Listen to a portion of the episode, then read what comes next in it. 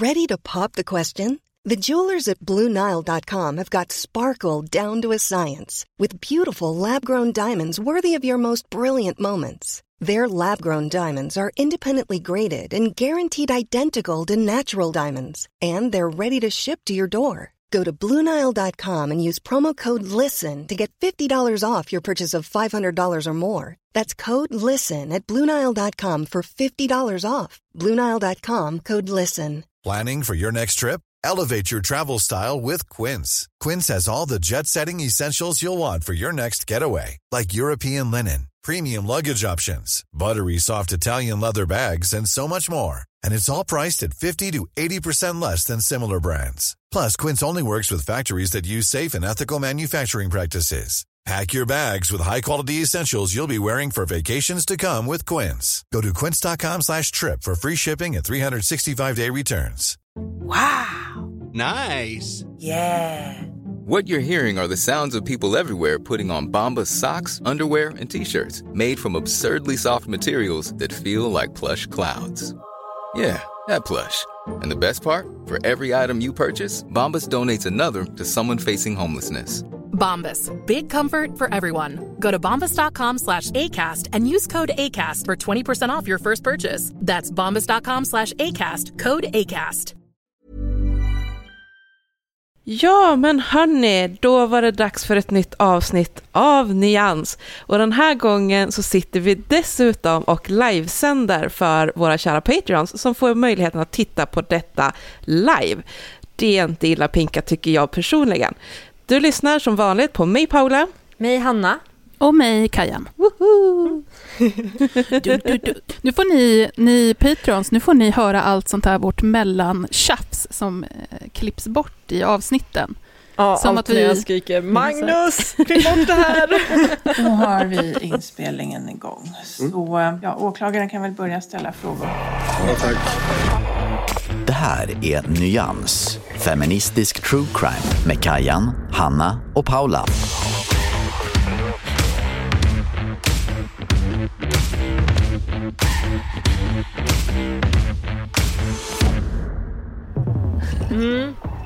Vad dricker ni?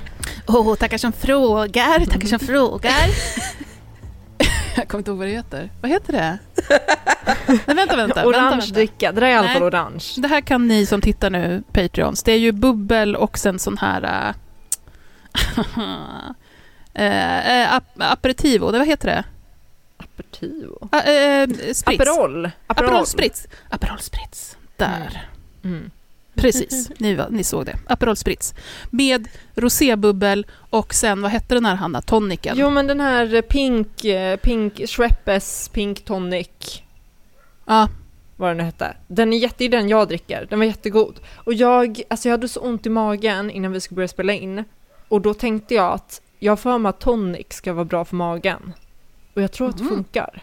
Jag, jag eh, kommer varva här lite grann mellan hemmafissad eh, Pepsi Max Lime oj, oj, oj. Jag gillar Pepsi Light. och min Airwrap. Vad är det för smak i den här air-appen? Jag kommer inte ihåg jag hade satt dit. Mango passion. Mm. Passion. Passion. Passion. Passionsfrukt. Vi är från Stockholm. Ja. Här säger vi passion. Gud alltså. Jaha, ska vi ta och köra igång eller? Område 2, 29 återkom. Nyans, feministisk true crime med Kajan, Hanna och Paula. Eh, ja, men idag då, hörni ni, så har ju vi ett litet specialavsnitt och det är ju för att våra kära patroner är med och tittar på Youtube. Gud vad roligt att ni är med. Eh, så idag så kommer vi ha ett upplägg där vi pratar om tre stycken true crime dokumentärer. Där ska jag bara öppna mitt dokument lite större. För det är mycket text. Och jag ska börja. De källorna som jag har till mitt eh, program och mitt fall är Murdoch Murders, A Southern Scandal från Netflix. Jag har också tjuvkollat på en till dokumentär eh, på Discovery Plus som handlar om eh, samma fall som heter Murdoch Murders Deadly Dynasty. Eh, men den kommer vara en liten bisak. Det kan man, man kan kolla på den också om man vill. Jag har också läst, det här fallet är en jävla stor grej alltså. Så jag har läst en hel del rapporteringar på CNN, NBS News, New York Times, BBC och så vidare och så vidare. Sen kommer jag komma in på det lite på slutet, men jag läste också en typ krönika på sajten Pajiba, eh, skriven av Alison Lanier. Lät som någon från Game of Thrones. Ja, lite så. alltså, jag Lannister. ska bara smita och ge marsvinen lite mat så de slutar knapra och sagt i bakgrunden. Gör det. Gulligt.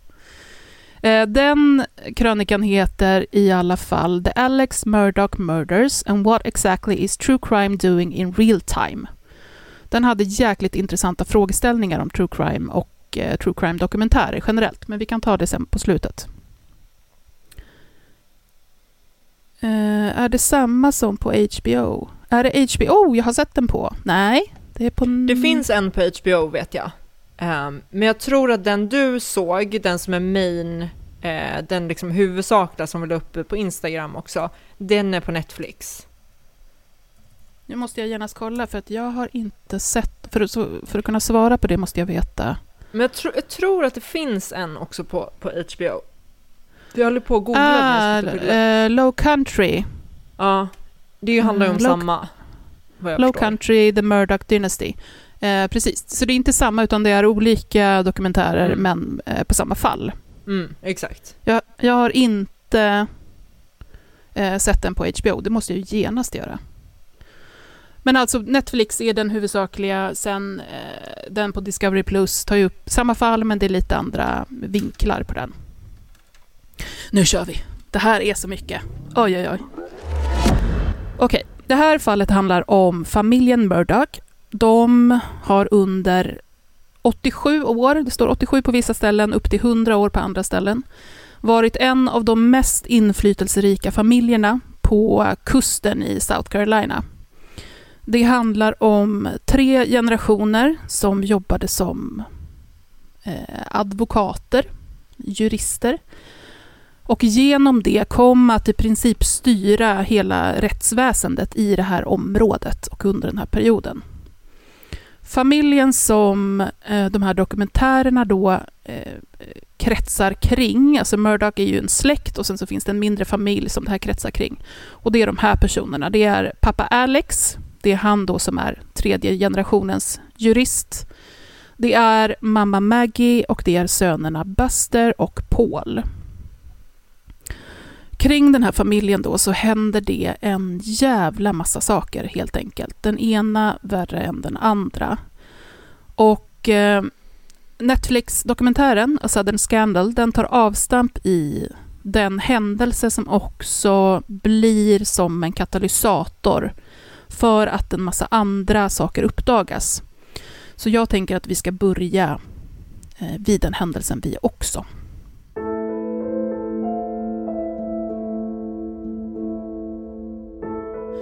–2019. Det är den 24 februari. 19-årige Paul Murdoch är tillsammans med fem andra personer. Det är hans bästa kompis Anthony. Det är Anthonys flickvän Mallory. Det är eh, Anthonys kusin, men också kompis med de andra två, eh, som heter Connor. Och så är det Connors tjej Miley. Och sen så är det en tjej till som heter Morgan. Morgan har varit tillsammans med Paul Murdoch, men håller på och försöker ta sig ur den här relationen. Paul är nämligen både psykiskt och fysiskt våldsam mot henne. Och han är det inte minst när han dricker, vilket han gör rikligt och ofta. Han blir så packad regelbundet att de andra döper hans eh, fulla odrägliga alter ego till Timmy. Det här gänget har känt varandra väldigt länge, de flesta sedan förskoleålder. De här tre tjejerna är oskiljaktiga. De är otroligt nära vänner. Eh, och Anthony och Mallory, som alltså var ett par, de har också känt varandra sedan de var små. Men de har vid den här händelsen precis blivit ett par. De är sådär löjligt kära i varandra och alla tyckte liksom att det var på tiden att de blev ett par. Morgan då, som håller på att försöka bryta upp med Paul, hon följer med den här kvällen, eh, trots att Paul är där. Hon vill helst inte träffa honom. Och hon kommer säga att det var för att hon ville vara med sina tjejkompisar. Så, gänget ska åka på en Oyster Roast, eh, en eh, ostrongrillning som är en grej vid, eh, alltså i låglandet generellt eh, den här säsongen. Eh, man ses och man grillar ostron på ett stort bläck liksom, och så dricker man och festar. Så de ska på en Oyster Roast längs med eh, Beaufort River.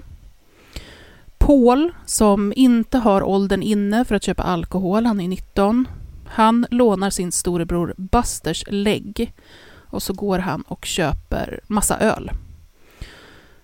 Eh, han köper säkert annan alkohol också för det förekommer väldiga mängder. Och den här alkoholen packas i hans båt. Han eh, trattdricker också, ni vet att man har en tratt och sen en slang rakt ner i, rakt ner i halsen. Eh, han trattdricker också typ sex öl under inledningen av kvällen. Sällskapet tar båten dit. De är där, de dricker och käkar. Flera i gänget känner att eh, fan det här blev ganska sent. Det är ju dessutom väldigt kallt. Det är liksom februari. Och alla har druckit en hel del, så de funderar på om det inte vore bäst att lämna båten på platsen och eh, istället få skjuts hem med någon av de andra på festen. Men Paul vill inte lämna sin båt och de kommer att packa ner sig i den till slut ändå för att köra hem. På vägen så vill Paul stanna till vid ett ställe där det finns en krog, för han vill gå in och dricka mer. De andra vill absolut inte det. De fryser och de vill åka hem. Men det är Paul som bestämmer. Ehm, han kommer från den här familjen och han har verkligen en liksom ledande position i det här kompisgänget, precis som hans familj har i samhället i stort. Eh, så Paul och Connor går in på den här puben eller krogen och beställer in shots medan de andra väntar vid en eh, lekplats nära båtbryggan. Och det finns övervakningskameror vid den här båtbryggan och där kan man se hur hela sällskapet vid ungefär kvart över ett på natten eh, börjar gå över bryggan mot båten igen. Och på den här övervakningsfilmen så ser man att Paul är synligt extremt packad. Eh, han har också en grej som han gör med händerna när han är Timmy, när han är väldigt full. Eh, och man kan se det på den här videon. Han liksom... Oj. Han, han spretar så här på ett väldigt obehagligt sätt. Eh, som, ett, som ett tics. Han håller inte upp sina händer så här, men han spretar med dem. Eh, och då säger de andra att då kan man se att han är så full så att han är Timmy. Man ser också hur Andrew och Mallory går lite för sig själva. De är otroligt söta och gulliga med varandra. De skrattar, de småpuffas lite, de håller om varandra och de pratar. Eftersom att Paul är så pass packad vill de andra inte att han ska köra båten. De bönar och ber om att Andrew istället ska få köra. Men Paul menar att det här är min båt, ingen annan kör den. Så de börjar åka. Båten kränger, den åker zigzag fram, den åker i cirklar. Och när de andra fortsätter att försöka övertala Paul om att han inte är i skick att köra, så blir han bara argare och argare. Det här slutar med att han slår Megan. Och det gör han efter en diskussion om att eh, hon inte har tagit hans parti i det här. Och hon menar väl, varför ska jag göra det? Du är ju jättepackad, det är klart du inte ska köra. Och då smäller han till henne.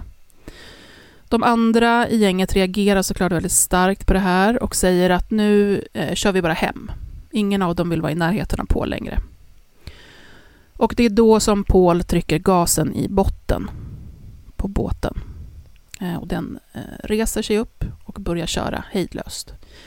Mallory och Andrew eh, faller ner på durken. De försöker hålla i sig, men efter en kort stund så smäller det. Andrew och Mallory flyger ur båten och de landar i det iskalla vattnet. Paul åker också i och de andra som är kvar på båten får olika skador. Det är ordentligt med blod i båten. Båten har åkt rakt in i ett brofäste och den har i princip knäckts på mitten. Andrew kommer upp till ytan igen, men ingen kan se Mallory. Hennes tjejkompisar skriker i panik efter henne och frågar har ingen sett Mallory, var är hon? Och de skriker hennes namn. Och Andrew börjar dyka ner igen i vattnet för att hitta henne. Och han går ner i vattnet och han kommer upp och han går ner i vattnet och kommer upp. Men det är jättekallt och det är väldigt strömt. Och till slut så tvingas han att eh, ta sig upp på land. De larmar och räddningspersonal kommer till platsen. Eh, de skadade tas om hand och de körs också in till sjukhuset, alla utom Anthony. Han vägrar att lämna platsen utan Mallory. Så han sitter kvar eh, vid vattnet. Anthony ringer sina föräldrar som kommer dit så fort de kan. De kommer också fråga polisen på plats om inte Mallorys föräldrar ska kontaktas. Hon är ju trots allt eh, borta. Men polisen tycker inte det. De vill inte eh, oroa i onödan och de vill inte att föräldrarna ska komma dit och Eh, skapa kaos. Och det kommer att dröja väldigt länge innan Mallorys föräldrar får veta något alls om det som har hänt och att deras dotter är försvunnen efter en båtkrasch. Och när de sen får den här informationen så är det inte från polisen. Eh, polisen kontaktar överhuvudtaget inte dem. Paul är fortsatt packad. Han är också odräglig och otrevlig mot eh, räddningspersonalen. Vid ett tillfälle där det finns eh, också filmat inspelat. Ehm, när de är kvar på platsen så går Paul omkring och skrattar och Anthony får ett utbrott eh, på honom. På sjukhuset så beter han sig också väldigt illa mot sjukhuspersonalen och säger massa olämpliga saker och snart så kommer hans pappa och farfar, de båda patriarkerna från Murdoch-familjen. De börjar prata med polisen.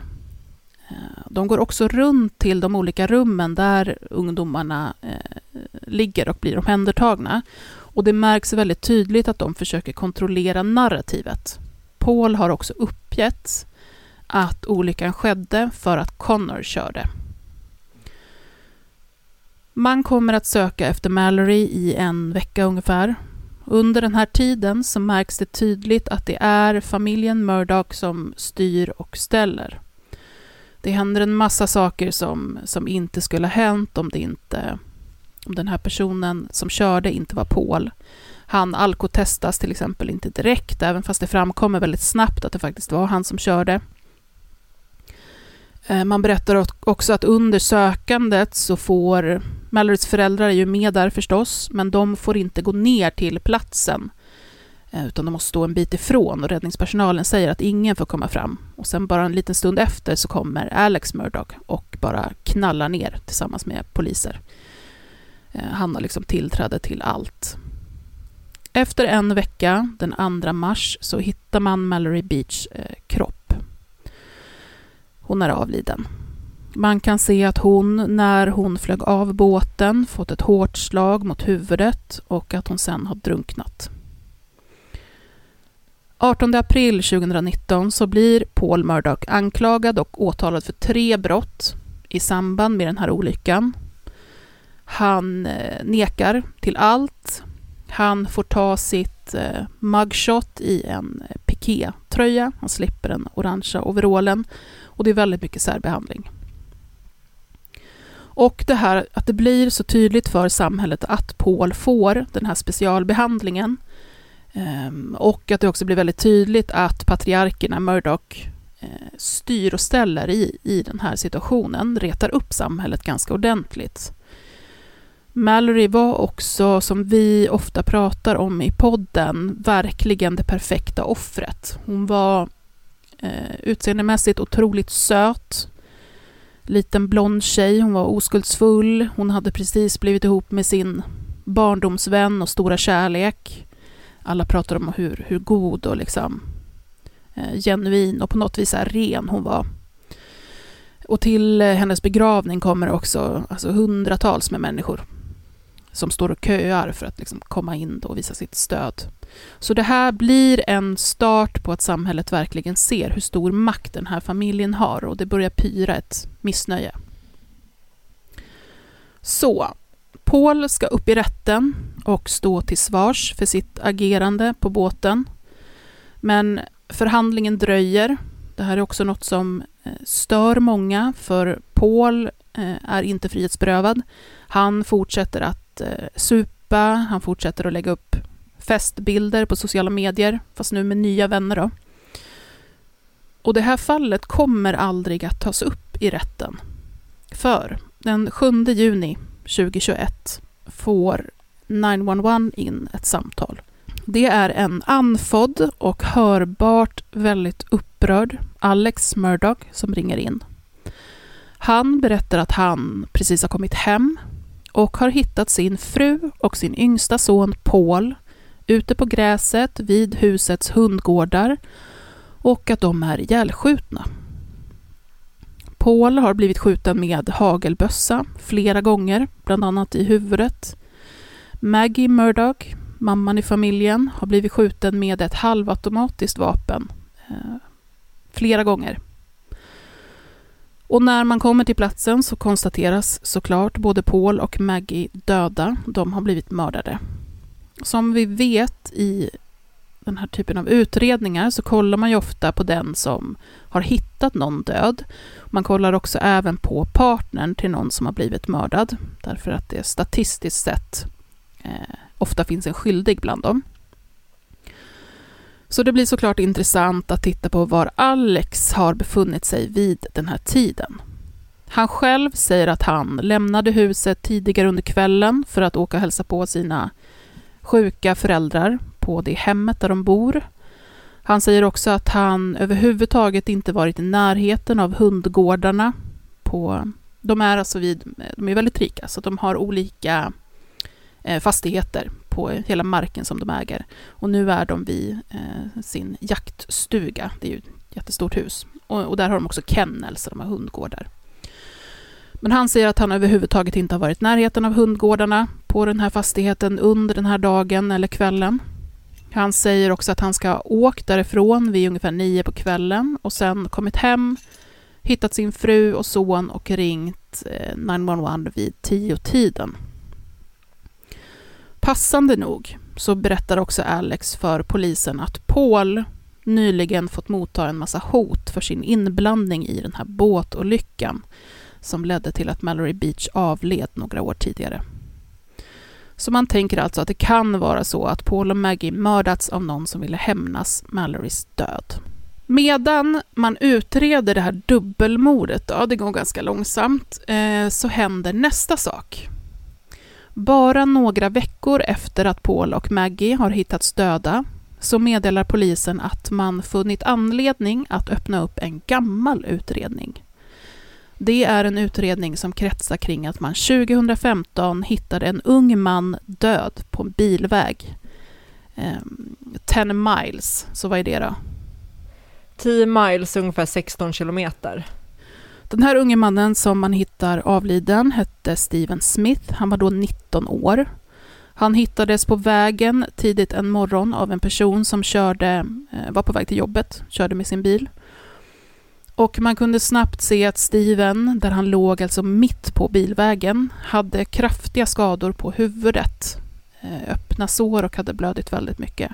Men i övrigt så var hans kropp och hans kläder helt oskadda. Man hittar också hans bil en bit därifrån och det är slut på soppa i den. Så man tänker att han troligtvis har eh, fått slut på bensin och så börjat knalla för att skaffa hjälp. Men först så talar man om det här fallet Eh, när det sker som ett mord. Men efter ett ganska kort tag så ändras det väldigt hastigt till att man stämplar det som en hit and run. Och det gör också att man slutar att leta efter eh, gärningspersoner. Det här upprör vid den tiden, då, 2015, bland annat flera utredare som tycker att de här skadorna visar på ett solklart överfall och därmed ett mord. Polisen har i efterhand inte sagt vad i utredningen eh, av eh, det här dubbelmordet på Paul och Maggie som gjort att man har valt att öppna det här gamla fallet igen. Men i de båda dokumentärerna så visar man upp hur det bland ungdomar i området pratas om att Steven, som var öppet gay, eh, följts efter och slagits ihjäl av andra ungdomar eh, som följt efter honom i en pickup truck. Och ett namn som nämns upprepade gånger i de här ryktena och under den utredningen medan den pågick är Buster Murdoch, det vill säga Paul Murdochs storebror. Men det är verkligen inte slut där, för snart dyker ett till äldre dödsfall upp i nära anslutning till den här inflytelserika familjen. 2018 ringer Maggie Murdoch, mamman i familjen, till 911. Hon meddelar att familjens hushållerska, sedan typ 20 år, har ramlat ner för en stentrappa vid entrén till deras hus, att hon har slagit i huvudet och att hon är medvetslös. Med på eh, platsen då, man hör också honom i samtalet, är Paul. Den här hushållerskan hette Gloria Satterfield. Hon hade bland annat varit i princip som en mamma för Paul. Han eh, hade inga andra foton i sin plånbok förutom på henne. Gloria som är i, för mig att hon är 58 eller något sånt där, i 50-årsåldern. Hon tas in till sjukhuset men kommer att avlida av sina skador eh, bara några veckor senare. Närstående reagerade på att när Gloria är på sjukhus så kommer Maggie bara och besöker henne en enda gång och Alex kommer överhuvudtaget aldrig dit och hälsa på. Och då har ju Gloria jobbat tätt och liksom nära i den familjen i 20 år. Och på hennes begravning så går Alex fram till Glorias två söner och han säger att han ska hjälpa dem att reda ut det här dödsfallet. Och han lyfter i princip att han ska hjälpa dem att stämma honom själv. För att det här dödsfallet skedde på hans fastighet. Och han säger också att, eh, att hon föll eh, berodde på hans hundar. Så att hundarna sprang omkring vid hennes fötter och gjorde så att hon snubblade. Så han säljer in det här fallet som att eh, det här ska ni få pengar för och ni, ni ska stämma mig. Och han hjälper dem också att få ett juridiskt ombud. Det är i själva verket hans eh, ganska nära vän som heter Corey Fleming. Eh, sönerna berättar att de litar otroligt mycket på Alex Murdoch och de tycker att det här låter rimligt och de gör som han säger. Eh, Corey Fleming, då det här ombudet som eh, Alex Murdoch tillsätter åt dem, kommer att nå en förlikning med Alex Murdoch själv som gör att det här dödsfallet genererar 4,3 miljoner dollar i försäkringspengar. 2,8 miljoner dollar skulle betalas ut direkt till Glorias efterlevande söner.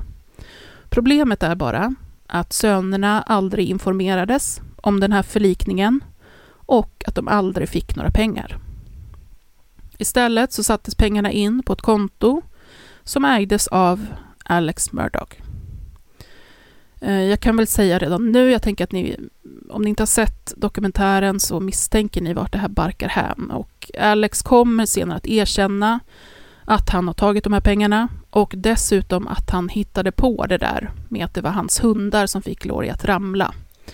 Och det hittade han på för att det skulle eh, vara större sannolikhet att försäkringsbolaget eh, betalade ut den här stora summan.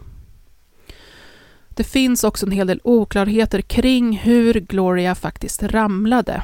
Det gjordes aldrig någon obduktion och i eh, rättsprotokollet så omnämns hennes död som beroende av naturliga orsaker. Trots då det här kraftiga traumat mot huvudet efter ett fall mot en stentrappa.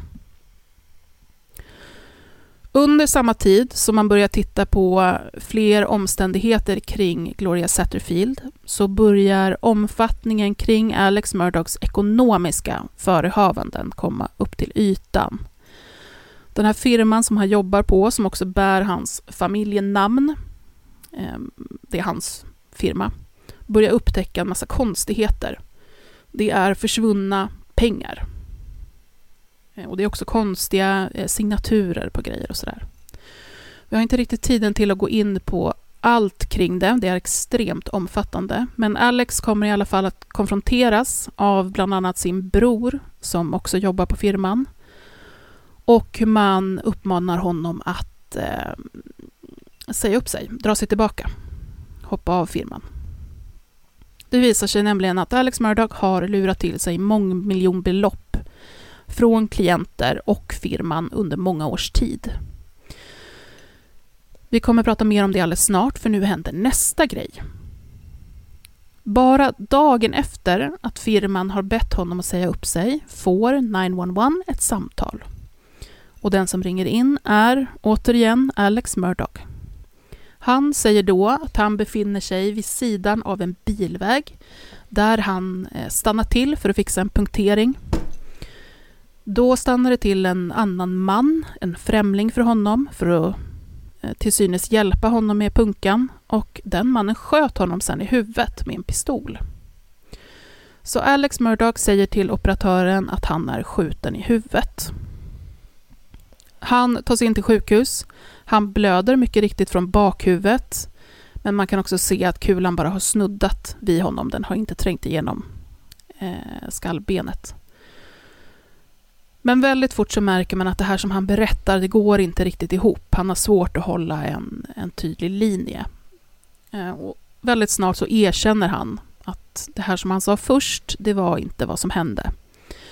Istället berättar han det här. Mannen som sköt honom heter Curtis Smith och är hans avlägsna kusin. Alex hade bett honom att skjuta honom i huvudet. Och det för att Alex son Buster skulle få ut försäkringspengar. Två dagar senare så går också Alex ut offentligt och ber om ursäkt till närstående och eh, kollegor och vänner och menar att han har varit djupt nere i ett svårt missbruk av opiater. Han menar också att de ekonomiska brotten som han har begått i princip beror på det här missbruket. Man tar in Curtis Smith då, förstås, den här avlägsna kusinen, men han menar att det inte alls var så här som skjutningen gick till. Han säger istället att han blev ditringd till den här platsen av Alex, som han har betraktat som en väldigt nära vän.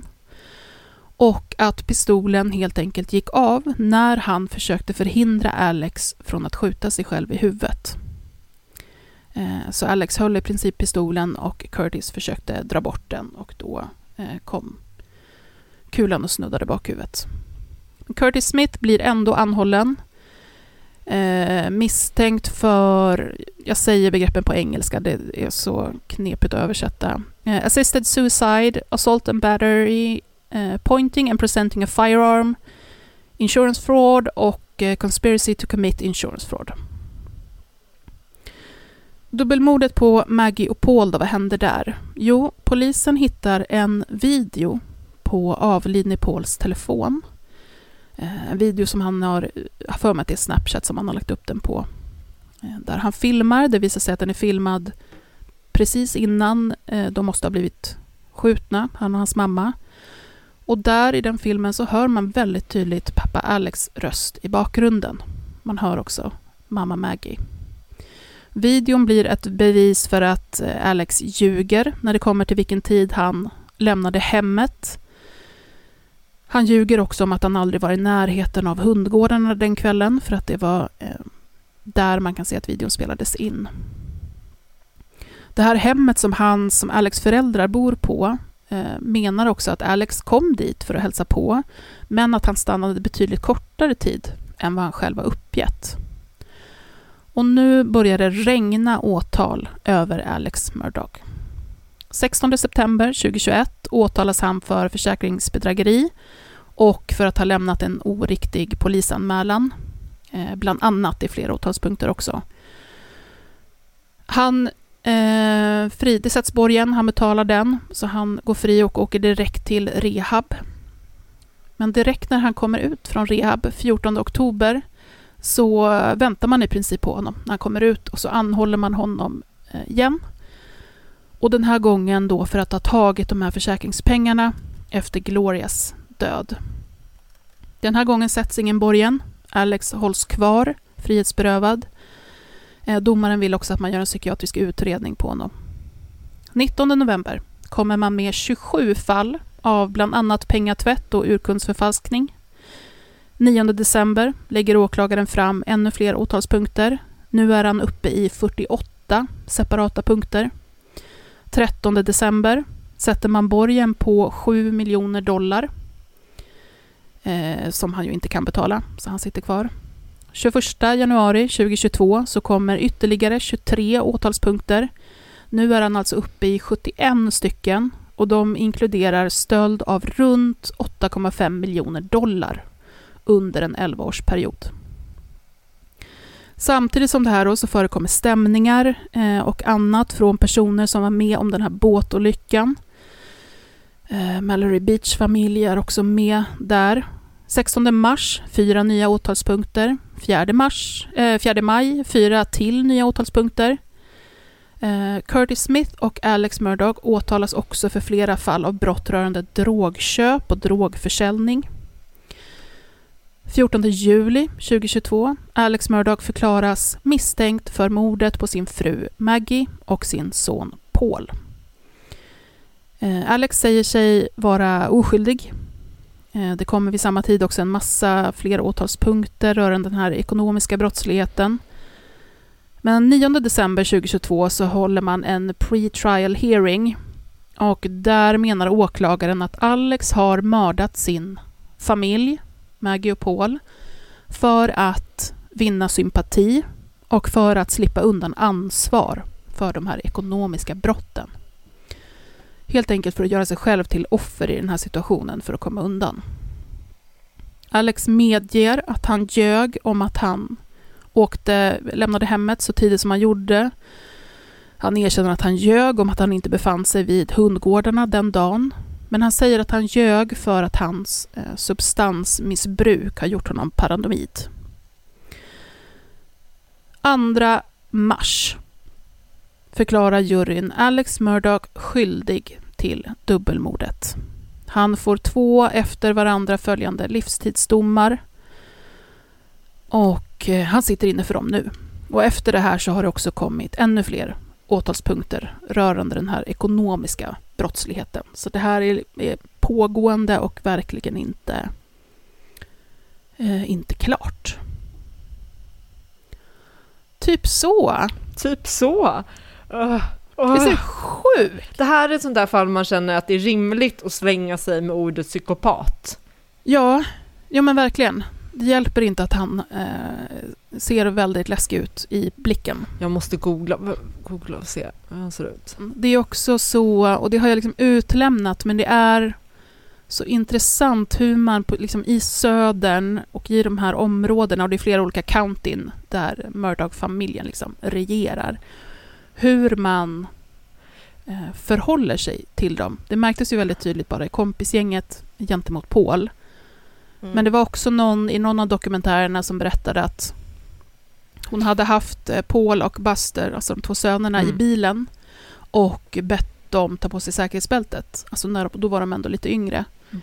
Varpå Buster hade sagt något om att du säger inte till mig vad jag ska göra. Jag säger till dig vad jag heter och vem min pappa är. Och det är det enda, typ. Alltså. Eh, och, och, det, och det där eh, strömmar igenom så otroligt mycket. Jag tycker också att det blir så talande när kompisarna... För i Netflix-dokumentären så är de här som var med på båten, de är med och berättar själva väldigt starkt. Men hur de också, istället för att bara liksom putta bort honom och, och ta över båten för att köra tryggt, liksom bönar och ber om att få tillåtelse att mm. köra. Mm. Det är så tydligt den här hierarkin i. Det är så läskigt mm. när en familj kan få så mycket makt. Det känns så lite så här mm. typiskt mm. USA det här. Mm. Och det känns ju också som att hade den här dominoeffekten inte blivit med båtolyckan och sen liksom det ena som gav det andra på något vis, eh, så hade de ju... Alltså så här, jag, jag, kan om jag spekulerar tänka mig att den här familjen har gjort en jävla massa skit, uppenbarligen, eftersom de här gamla mm. fallen togs upp också men mycket mer skit som inte har kommit fram i de här dokumentärerna. Och för att man då jobbar inom juridiken, jobbar med liksom, eh, de lokala åklagarna, har full koll liksom på, på hela den biten och polisen kan eh, prata sig ur precis allting. Det är otroligt obehagligt. Mm. Sen är det väl så i, eh, i USA så med delstaten och sådana grejer. Alltså dels så att eh, de olika polisdistrikten inte kan prata med varandra hur som helst för att koppla ihop när det sker saker i olika polisdistrikt, även om samma fil är inblandad. Men jag har också för mig, det borde du veta bättre än mig Hanna, men att det också kan vara lite så här att eh, bara för att man är advokat och har tillstånd att praktisera yrket i en delstat så har man det inte automatiskt i en annan Det delstat. stämmer. Vilket, jag, ja, vilket ju gör liksom i sån här läge att ja, men i Sverige tycker man så att ja, men om det nu är en liten håla någonstans där det finns stor risk för jäv. Vi har ju pratat om något sånt där Mm. eh, avsnitt tror jag i en snackis Mm. ju, om eh, när det har uppstått jäv- jävsituation för att Mm. det har varit så ett litet ställe, så otroligt många inblandade och alla har känt alla. Vissa som har varit brottsoffer har också varit förövare och det har liksom funnits för få advokater och så här. Men då ser man ju till att ta in advokater från andra delar av landet och så Det löser man låter det. som Gotland tänkte jag säga. Nej, det, det var i något Dalarna tror jag, någonstans. Ja, skitsamma. Eh, och så, men medan i USA så blir det så här att nej men eh, nu känner Mm. alla varandra här, men vi kan inte ta in någon advokat utifrån för vi hittar ingen som har rätt att practicing law i Mm. våran delstat som inte också känner de här. Så det Och sen när det har pågått så länge och så jävla inarbetat, Mm. om det här är tre generationer som den här släkten har dominerat, så krävs det rätt mycket för att, för att bryta det. Nu blev det liksom ett dubbelmord. Och det, Mm. alltså till och med det försökte de väl nästan blunda lite för, för eftersom att man gjorde, Mm. ja, det är massa mer konstigheter med att det sköts ju med två vapen, hagelbössan och så det här andra eh, halvautomatiska vapnet, som var ett, vad jag förstår, relativt eh, ovanligt vapen. Men just det Mm. vapnet hade ju då familjen Murdoch förstås. Eh, och där fanns det Mm. också att man eh, tog ut det vapnet från hemmet utan att det liksom undersöktes. Och det fanns Mm. någon slags drönare eller någonting som såg det där. Eh, och att det liksom försvann då sen. Alltså så otroligt mycket konstigheter kring, kring hela skiten. Men den här eh, krönikan som jag nämnde i början, jag ska nästan länka till den sen. Eh, för att den, den utgår ju från eh, egentligen de här två dokumentärerna som jag har sett. Där jag tror Netflix-dokumentären kom först och sen kom Discovery Plus. Och nu också HBO då förstås. Och i krönikan så skriver hen om hur, alltså vilka vilken, vilket som är true crime och true crime-dokumentärers roll. Eh, och vilket ansvar man har. Jag kan säga så här att i båda dokumentärerna så pratas det om den här eh, unga gaykillen som hittade stöd på vägen. Eh, då gick det ju rykten om att Buster, den äldre sonen, hade någon slags homosexuell relation med honom. Mm. Det här är ju fullkomligt eh, alltså skvallerbasis, men att det skulle vara någon slags motiv, jag vet inte ens en motivbild. En snaskighet som det liksom skvallrades om. Mm. Och det pratar man ju om ganska saftigt i båda de här dokumentärerna. Så just så här, den här krönikan kring så här, vilk, vilken är rollen och, eh, för sådana dokumentärer och vilka avvägningar gör man mellan att granska till exempel familjer som är väldigt svåra att komma åt eh, och att agera folkdomstol. Och jag tänker på den, den diskussionen som vi hade om motivs eh, Mm. där den eh, som visade hur man ganska tydligt kan trampa snett i den Mm. avvägningen. Vad är en granskning och vad är någon slags eh, folkdomstol som tar Mm. sig väldiga, väldiga friheter. Och att det då också blir ett väldigt kommersiellt styrande intresse där man vill vara snabb på bollen. Eh, man vill få ut sådana här dokumentärer så snabbt som möjligt. Man vill ha den ena saftigare grejen än den andra. Som var eh, väldigt intressant. Du får länka till den, för jag vill läsa. Eh, vad tyckte du om dokumentären? Gajan? Var det en bra dokumentär? Var den dålig? Borde folk Ja. se den? Borde de låta bli? Jag tänkte att jag skulle ducka det här just eftersom att jag har fuskat och sett två stycken. Eh, nej men jag, på, eftersom att jag har överhuvudtaget valt det här fallet att ta upp så är ju fallet så pass bärande i sig eh, att det är ganska svårt att fucka upp en, en dokumentär. Den är se, självklart sevärd. Eh, sen så är det detaljer i de båda som är... Alltså som i Netflix-dokumentären så tycker jag att man smyger runt det faktum eh, att den här familjen hade så mycket makt och tilläts ha så mycket Mm. makt. Det är mer personer som påstår det som får komma till tals snarare än att man, jag tänker rent journalistiskt, Eh, ställer personer, alltså man pratar inte med någon polis eller så vill de inte ställa upp eh, till exempel och ställer dem mot väggen kring varför fick det gå till så här och så. Den biten saknas. I Discovery Plus-dokumentären eh, så går man, där har man, om vi säger så här, i Netflix är det ett väldigt fokus på båtolyckan. Discovery Plus är mer fokus på Alex Murdoch och de liksom ekonomiska grejerna och sånt. Ehm, där har man med för där är inte de här ungdomarna som var med på båten, så man får liksom inte de här emotiva vittnesmålen. Utan då har man istället plockat in typ personer från bygden. Alltså som, som pratar. Det finns bland annat en kvinna där som Ja, men hon pratar om att Paul högg i eh, högg ekorrar med kniv när han var liten och att han är ondskan själv och sådär. Väldigt sydstats typiskt. Vilket jag tycker drar ner den eh, ganska så mycket. Man hade klarat sig bra utan att ha, eh, ha den där snask-momentet i. Utan mördade ekorrar. Ja, precis. Och sen, visst, sen var det några fler som var så här, ja, han karvade i djur och han ville jättegärna göra det. Men hela den biten drar liksom ner det, blir ganska oseriöst. Och det är väl också liksom lite i den här krönikan hur man kan liksom kritisera eller belysa det här påhetsandet av varandra i dokumentärproduktionen kring, eh, kring snaskigheten i det. Men eh, självklart, se, jag ska se fram emot att se den här HBO se om det är något ytterligare nytt. Jag har varit, varit nere i det här kaninhålet ett tag. Så jag kanske ska ta en paus. Gå upp till ytan för att andas lite innan jag dyker ner igen. Område 2, 29 återkom. Nyans. Feministisk true crime med Kajan, Hanna och Paula. It's that time of the year. Your vacation is coming up. You can already hear the beach waves, feel the warm breeze, relax, and think about work. You really, really want it all to work out while you're away. Monday.com gives you and the team that peace of mind. When all work is on one platform and everyone's in sync, things just flow wherever you are. Tap the banner to go to Monday.com.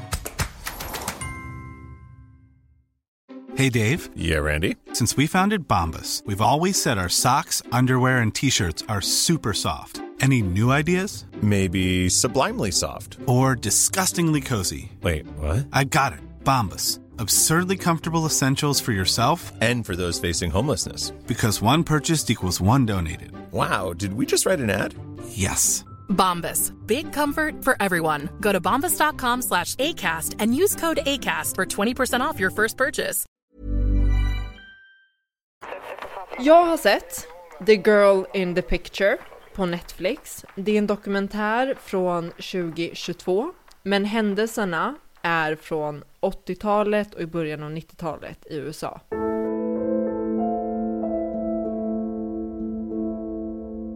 I april 1990 hittas en kvinna eh, skadad i vägkanten. Hon är allvarligt skadad och man tror att hon har blivit påkörd. Hon tas till sjukhuset där hon avlider. Redan på sjukhuset så inser polisen att något inte står riktigt rätt till. Man kan inte bevisa att den här kvinnan har blivit mördad. Man tänker att det kanske är en sån här hit and run. Eh, men, men det, ja, det är någonting som gör att man tycker att det här känns lite konstigt. Det visar sig att den här kvinnan heter Tanya Hughes och att hon är gift med en man som heter Clarence Hughes. Den här mannen är betydligt äldre än henne och de har en tvåårig son tillsammans som heter Michael.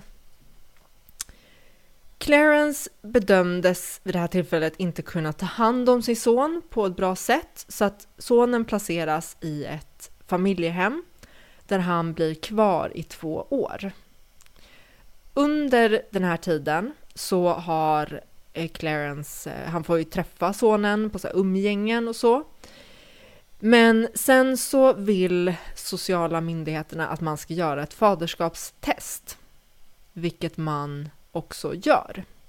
Och det här faderskapstestet visar att Clarence inte är far till sonen och han får därför inte längre besöka och ha något mer umgänge med sonen. Clarence då blir rosen rasande över det här. Det han gör är då att under pistolhot så går han in i Michaels skola när Michael är liksom där på lektionen. Han hotar rektorn att eh, ta, ta honom till Michael och så tar han med rektorn och Michael i bilen och kidnappar dem. Rektorn hittar man sen fastbunden i ett träd i skogen, men Michael är borta. Han är kidnappad. Det här blir jättestort i nationell media i USA. Överallt så syns bilder på Michael och det syns också bilder på Tonja, som, ja, hans mamma då som blev påkörd eh, och dödad. Och man drar också igång en sökinsats efter Michael såklart för att hitta honom. När det här visas på TV så reagerar plötsligt en kvinna. Men vänta nu här, det där är ju min bästa gymnasiekompis. Men varför kallar de henne Tonja? Hon heter ju Sharon. Gymnasiekompisen kontaktar FBI's tipslinje och berättar att hon känner Tonja från high school och att hon egentligen heter Sharon. Och nu inser polisen att det är något väldigt konstigt här. Det är någonting som inte står rätt till. Gymnasiekompisen berättar också att mannen som kidnappat Michael i själva verket är Sharons pappa. Polisen försäkrar henne om att de är gifta, men kompisen står fast vid att nej men det där, jag kände ju dem, vi gick ju i high school tillsammans, jag har sovit över oss, men det där är hennes pappa. Och han heter inte Clarence, han heter Warren Marshall. Kompisen berättar också att Sharon blivit gravid där i sista året vid high school och att de flyttat från staden de bodde i och att man inte hört något mer från Sharon sedan dess. Polisen inser nu att det finns väldigt många frågetecken. Dels så inser man att man faktiskt inte vet eh, identiteten på Tonja. Eh, heter hon Tonja eller heter hon Sharon? Och vem är egentligen hennes pappa Warren? Man gör slagningar i diverse register och hittar att Clarence de facto haft många olika alias i olika delstater i USA. Man hittar också att han tidigare blivit dömd både för sexualbrott mot barn och kidnappning och att egentligen så heter han Franklin Delano Floyd. Han skulle också ställas inför rätta för de här tidigare brotten som han har begått. Men han, det var flera, jag tror det var 12 år sedan, han då skulle ställas inför rätta, men han försvann. Så han kom liksom aldrig till domstolen och var på rymmen. Samtidigt som man håller på med att utreda så här, vilka är de här personerna egentligen så fortsätter ju jakten efter Clarence och Michael. Och efter sex veckor så tar man faktiskt fast Clarence Hugh, eller Warren, den här, han som är Franklin med de olika aliasen. Men Michael syns inte till och man, man pressar Clarence för att berätta var är pojken, men man får inte ut någonting från honom. Men trots det här att man inte hittar Michael så åtalas ändå Clarence för kidnappning, och också vapenbrott. Och det polisen gör är att de försöker hitta liksom, ja, kan vi åtala honom för det här och det här? Eh, åklagaren liksom för att ändå se till att han får ett långt fängelsestraff. Så att han får drygt 50 års fängelse och blir dömd för kidnappning och vapenbrott. Det fanns ju också många vittnen till kidnappningen. Dels eh, har vi ju han som blev fastbunden i skogen. Det fanns ju, eh, många såg ju vad som hände. Så att det, han blir dömd för det. Men under den här förundersökningen så upptäcker man när man gör en... Eh, man, man utreder bilen, man kollar liksom igenom hans bil och då hittar man i hans bil ett gäng fotografier. Bland annat så hittar man nakna foton på Sharon, eh, Tonja då, fast från den tiden då hon kallades Sharon när hon var ett barn och man hittar ja, nakna foton på henne som barn. Det finns också bilder på en annan kvinna som man inte vet vem det är. Men den här kvinnan på bilderna är grovt misshandlad och det syns att hon är ja, men riktigt misshandlad på bilderna. Och då undrar polisen, vem är den här kvinnan? Eh, och vad hände egentligen med Tonja från den tiden hon var Sharon till att hon blev hon bytte namn till Tonja. Vad hände efter att hon slutade high school tills att hon blev påkörd och dödad? Det visar sig att efter high school så födde Sharon ett barn som adopterades bort. Och efter det så började hon på sin pappas begäran att jobba på en strippklubb. Under den här tiden hon jobbade på den här klubben så fick hon sonen Michael. Och sen bodde då Michael, eh, Clarence och Tonja i en trailer. Under dagarna, jag säger Tonja nu för att det var under den här perioden så, så hette hon Tonja. Under dagarna så passade, eh, när Tonja var på jobbet så brukade en 15-årig flicka, liksom en granne, passa Michael. Och den här 15-åriga flickan, som idag är vuxen, vittnar om att hon har sett den här kvinnan på de här fotografierna. Det är samma kvinna som brukade komma och hälsa på i trailern. Eh, och hon kan också berätta att den här kvinnan, det är en kvinna som heter Cheryl Comesso. Och 1989 försvinner Cheryl spårlöst. Och det dröjer till 1995 innan man hittar skelettet som senare kan identifieras som Cheryl. Och med den här bevisningen så blir Clarence återigen åtalad och den här gången så åtalas han för mord. Och han döms för mord och får dödsstraff. Eh, eller han blir, man ska väl säga så han döms till, till dödsstraff men eh, det tar ju, från att man får ett dödsstraff i USA så tar det ju väldigt många år innan det sen, eh, innan man blir dödad. Så att han satt, han, han blev egentligen dömd till att sitta på death row eh, under den här tiden. Nu återstår ju fortfarande den här frågan. Vem var Tonja? Det är det i dokumentären så, så vill man ändå få svar på den här frågan. Vem var Tonja? Eller då Sharon som hon tidigare hette. Det skrivs också en bok om Sharon, Tonja, som får stor uppmärksamhet. Och den författaren som skrev den boken, det börjar strömma in tips till honom och han är också med i dokumentären. Till slut så når den här boken fram till en kvinna som heter Megan.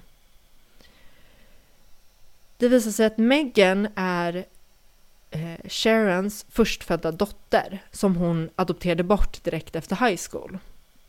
Megan erbjuder sitt DNA för att underlätta sökningen efter Sharons, Tonjas identitet. Och man får faktiskt en träff. Det visar sig att Tonja egentligen heter Susan Sevakis och att hennes föräldrar faktiskt är i livet. Clarence är alltså inte hennes pappa. Så den mannen som hon så vitt man vet trodde var hennes pappa och som agerade hennes pappa, som hennes pappa, eh, som, hon, som hon sen gifte sig med, var de facto inte hennes pappa. Dokumentärskaparna söker upp hennes föräldrar som berättar vad som hände. Susans mamma och pappa skilde sig när eh, Susanne var väldigt liten. Ehm, hennes mamma förlorade vårdnaden om Susanne och hennes tre andra barn, hon har två döttrar och en son. Och de placerades i fosterhem. Och det beror på att hon kunde inte hon klarade inte av vid det tillfället att ta hand om dem och då fick eh, Susans pappa alternativet att ändra så behöver du ta hand om eh, alla barnen eller så, eh, ja, så kommer de placeras i, i ett familjehem. Och under den här tiden när de är på familjehemmet, då träffar Susanne eh, Clarence, som vid den här tidpunkten kallar sig för Brandon. Och de gifter sig och får tillbaka barnen. Sen så begår Susannes mamma ett litet brott. Hon förfalskar en check på 7-Eleven och får 30 dagars fängelse för det. Under den här tiden hon sitter i fängelset så kidnappas barnen av, som han nu heter den här tidpunkten, Brandon. Mamman får tillbaka två av döttrarna, men hon får inte tillbaka Susanne. Och från den här tiden så lever Susanne, hon, hon får namnet Sharon sen och kommer leva då med eh, Brandon som också byter namn till Clarence. Och eh, det som var var att eftersom att de var gifta, det är i alla fall så här som hennes mamma har förklarat det, är att eftersom att de var gifta så innebar det att för, för mamman gick då till polisstationen för att anmäla att hennes barn hade blivit kidnappade. Men eftersom att hon var gift med Brandon så hade eh, han också delat vårdnaden och man såg det inte som ett brott. Utan man menade på att hon var tvungen att gå eh, liksom, ja, via vårdnadstvistvägen och att det var ett civilrättsligt fall och att hon var tvungen att skaffa advokater för att få tillbaka dottern och att hon inte hade råd med det, att hon inte hade möjlighet att göra det. Och att det var därför hon inte lyckades få tillbaka dottern, menar hon. Så här hade det ju inte gått till i Sverige, för att i Sverige, jag tänker bara att det är viktigt att påpeka, att i Sverige så kan man inte, även om man har vårdnaden, så kan man inte hur som helst bara ta ett barn eh, och försvinna, för det kan bli egenmäktighet. Det är ett brott som kallas för egenmäktighet med barn. Eh, så det kan vara bra att ta med sig. Även fast man, man kan ju inte kidnappa sitt egna barn som han har vårdnad över, men man kan eh, begå det här andra brottet, egenmäktighet med barn. Det finns en hel del detaljer som jag ännu inte har tagit upp, till exempel att det visar sig att eh, som jag förstår det så fick eh, Susanne fler, hon fick åtminstone ett till barn som antagligen adopterades bort. Eh, hon, eh, hon blev också utsatt för, eh, enligt vad hennes vän då berättade om i den här dokumentären, så blev Susanne utsatt för sexuella övergrepp av Clarence som agerade hennes pappa och att han var väldigt obehaglig. Men det här är fallet i stora drag. och det ska också tilläggas att Michael eh, Clarence erkände eh, till slut till, tror att det var till polis, nu blir jag lite osäker på till vem han erkände det. Men han erkände i alla fall till slut att han hade dödat Michael. Eh, genom att skjuta honom i huvudet med två skott. Är det en bra dokumentär? Eh, jag, jag, har faktiskt inte sett den nämligen. Nej, nej men jag tyckte, alltså det, det som är, är ju att det är ju när jag ser dokumentärer, då vill jag... Jag har alltid en sån här vilja av att det ska vara så öppet som möjligt, att man ska ta in alla perspektiven och inte ha förutfattade meningar och ha bestämt från början. Men det är inte den typen av dokumentär, utan de, det är mer att de vet redan, det, man vet exakt allting och de vet att det är han som är förövaren, har gjort allting och man utgår från att det är han som har mördat allt, alla och eh, man utgår från att det är han som har mördat Sharon också. Eh, eller mm. Susanne som hon heter. Um, mm. Men jag tyckte ändå att det var en, det är en, en bra dokumentär, den är sevärd. Mm. Alltså den går väl mer ut på att, att visa vilket monster han faktiskt var. Typ, ja. Det är väl det ja. som är agendan. Ja, och man, alltså jag blev ju verkligen eh, swept away och var ju så arg efter att jag hade sett den. Så ser den inte så här precis när jag ska gå och lägga dig, för jag kände sånt äckel och avsky. Och, alltså jag blir typ provocerad Mm. när jag tänker på det nu. Hur det kan finnas så otroligt vidriga människor. Ja, det är ju mycket i Mm. detaljerna. Alltså det var ju Ja. bra länge sedan jag såg den, men eh, en sån grej som jag liksom kommer ihåg var ju just när den här eh, barndomskompisen eh, till, ja, nu har hon så många namn, men eh, huvudpersonen som Ja, eh, inte överlever. Mm. Ja, ehm, berättar om när hon var hemma hos dem medan hon då bodde hos den här eh, pappan som inte Mm. var pappa. Mm.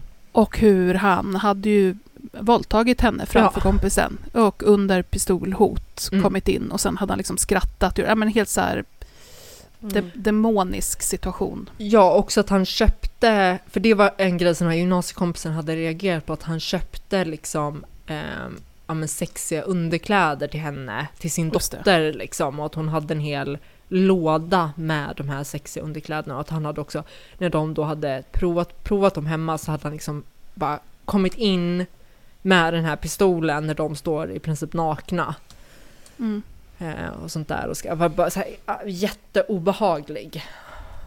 Men visst var det så att hennes riktiga pappa, som verkar vara en så otroligt fin person Mm. i dokumentären, han får ju då väldigt fin kontakt med sitt nyfunna barnbarn. Ja, han och eh, Meghan får, får en väldigt fin kontakt och de har också en, det är väldigt fint att de har också en begravningsceremoni för ehm, Susanne när de har hittat hennes identitet och de byter också namn på hennes gravsten för förut stod det ju Tonja på den, Mm. vilket är inte hennes namn.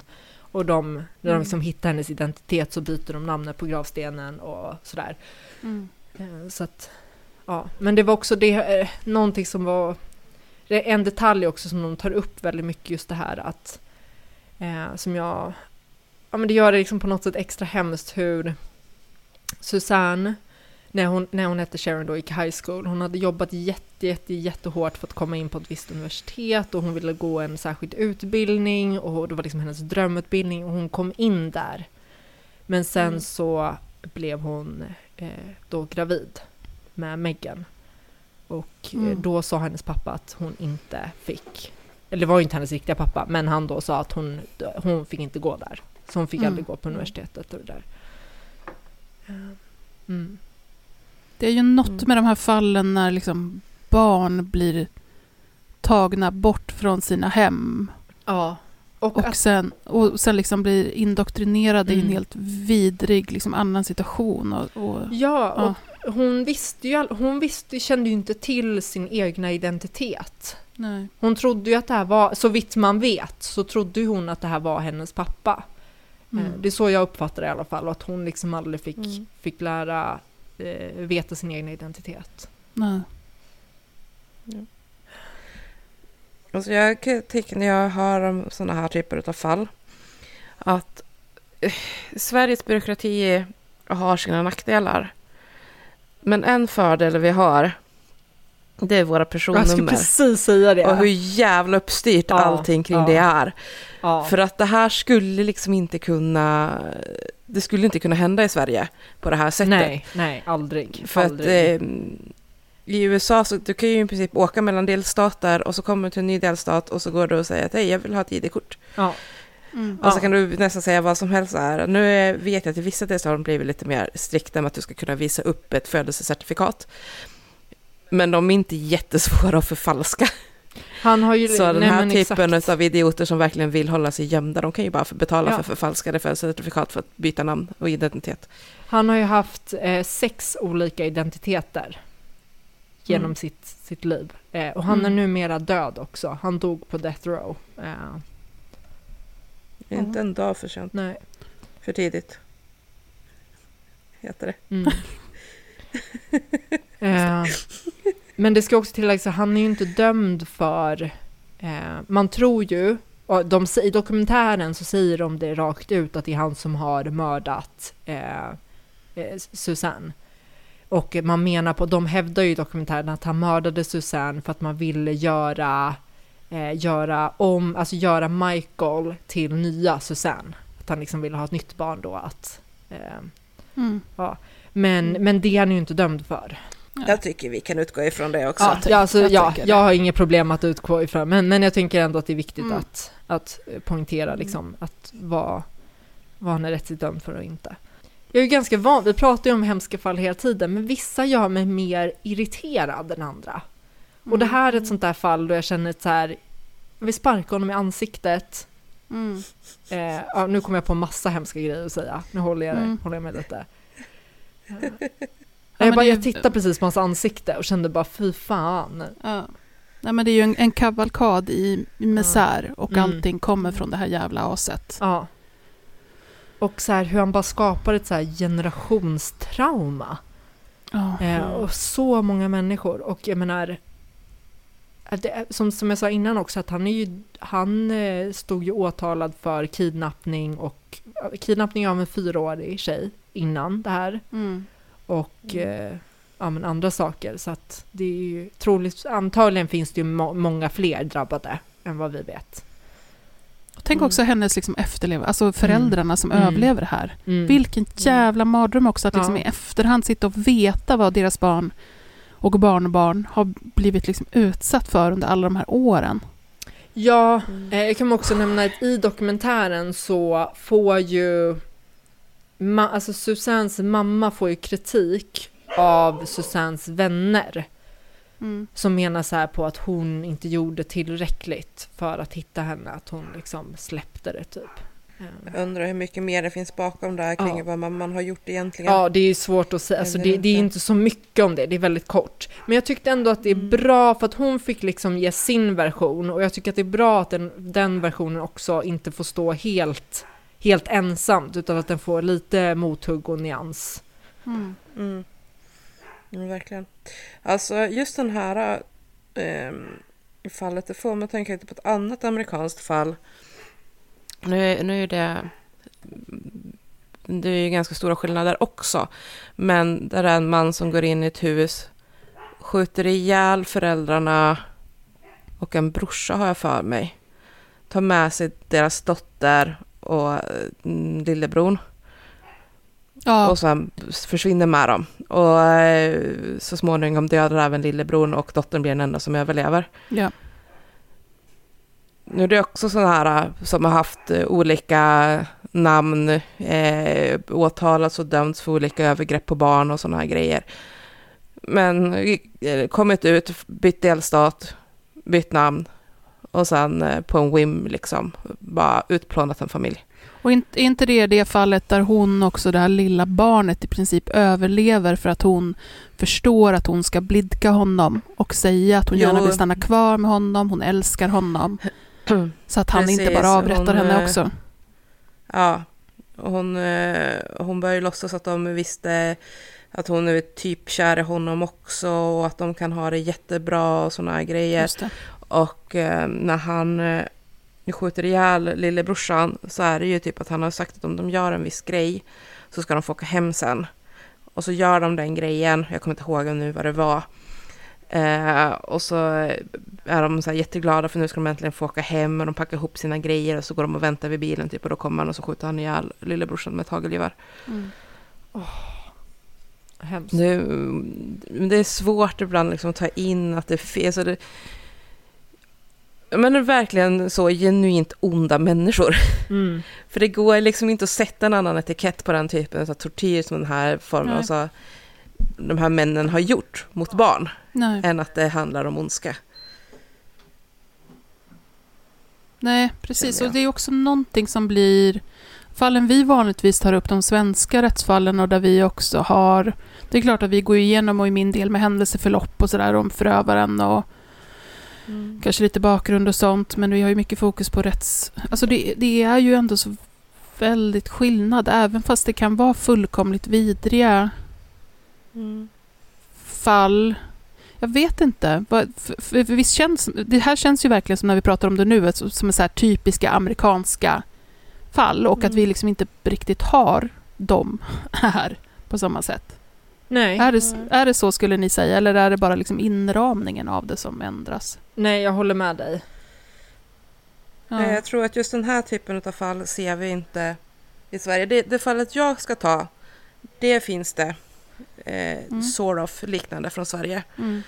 Men inte de här liksom kidnappa och hålla sig gömd med ett barn i Ja, just det. flera, flera år Mm. och kunna komma undan med det. Just det. Sen är vi ju en mycket mindre nation också. Det blir ju Späds ut. Ja, en annan sak. precis. Ja. Det är ju det. det, är, ju- alltså det jag vet ju att det finns liknande sådana här supergrymma fall från helt andra länder också. Mm. Japan bland annat. Och det är ju liksom Ryssland. så här, Ja. Mm. Ryssland, ja men är det mycket Ja. människor Ja. så är det klart att då dyker upp eh, en riktigt vedervärdig jävla människa på åtta miljoner så blir det Mm. några stycken Mm. i ett land med jättemycket människor. Medan ett land som Sverige så blir det jag vet inte, en var tionde år. Mm. Mm. Område 2, 29 återkom. Nyans. Feministisk true crime med Kajan, Hanna och Paula. Då vill vi höra ditt fall, Mm. Paula. Jag ska ju då prata om Netflix dokumentärfilmen som heter American Murder The Family Next Door. Och det är faktiskt ett relativt nytt fall. Ehm, det här utspelar sig 2018 så att det är fem år sedan.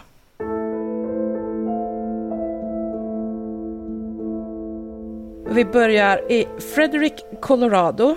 Det är den 13 augusti, klockan är ungefär kvart i två på natten. När Shanann Watts kommer hem efter att ha varit i en weekend i Las Vegas på en form av kick-off för det multi-level marketing-företaget som hon jobbar för. Shanann är då ja, men 33-34 där kring Ja. var hon när det här hände. Eh, och hennes man Chris har två barn tillsammans, två stycken döttrar. De är två och fyra år gamla. Shanann är också gravid med en liten pojke som är tänkt att heta Nico. Döttrarna heter Celeste men kallas för Cici, det är den äldsta, nej, den yngsta. Och sen har de den äldsta som heter Bella. Det går några timmar efter att Shanann har kommit hem. Eh, och sen när klockan är ungefär ett, så att ja, men säg ungefär 12 timmar senare, så ringer Shanans bästa kompis tillika kollega Nicole Atkinson till polisen och säger att eh, hon hade släppt av sin kompis Shanan hemma vid kvart i två på natten och har sen inte hört någonting mer. Och att det här är väldigt oroande eftersom Shanan hade en läkartid för att eh, kolla upp på sin graviditet och hade också ett eh, jobbmöte lite senare och hon har inte dykt upp till något utav det. Hon svarar heller inte på telefon när Nicole försöker ringa. Och Nicole har nu åkt hem till Shanann och knackat på.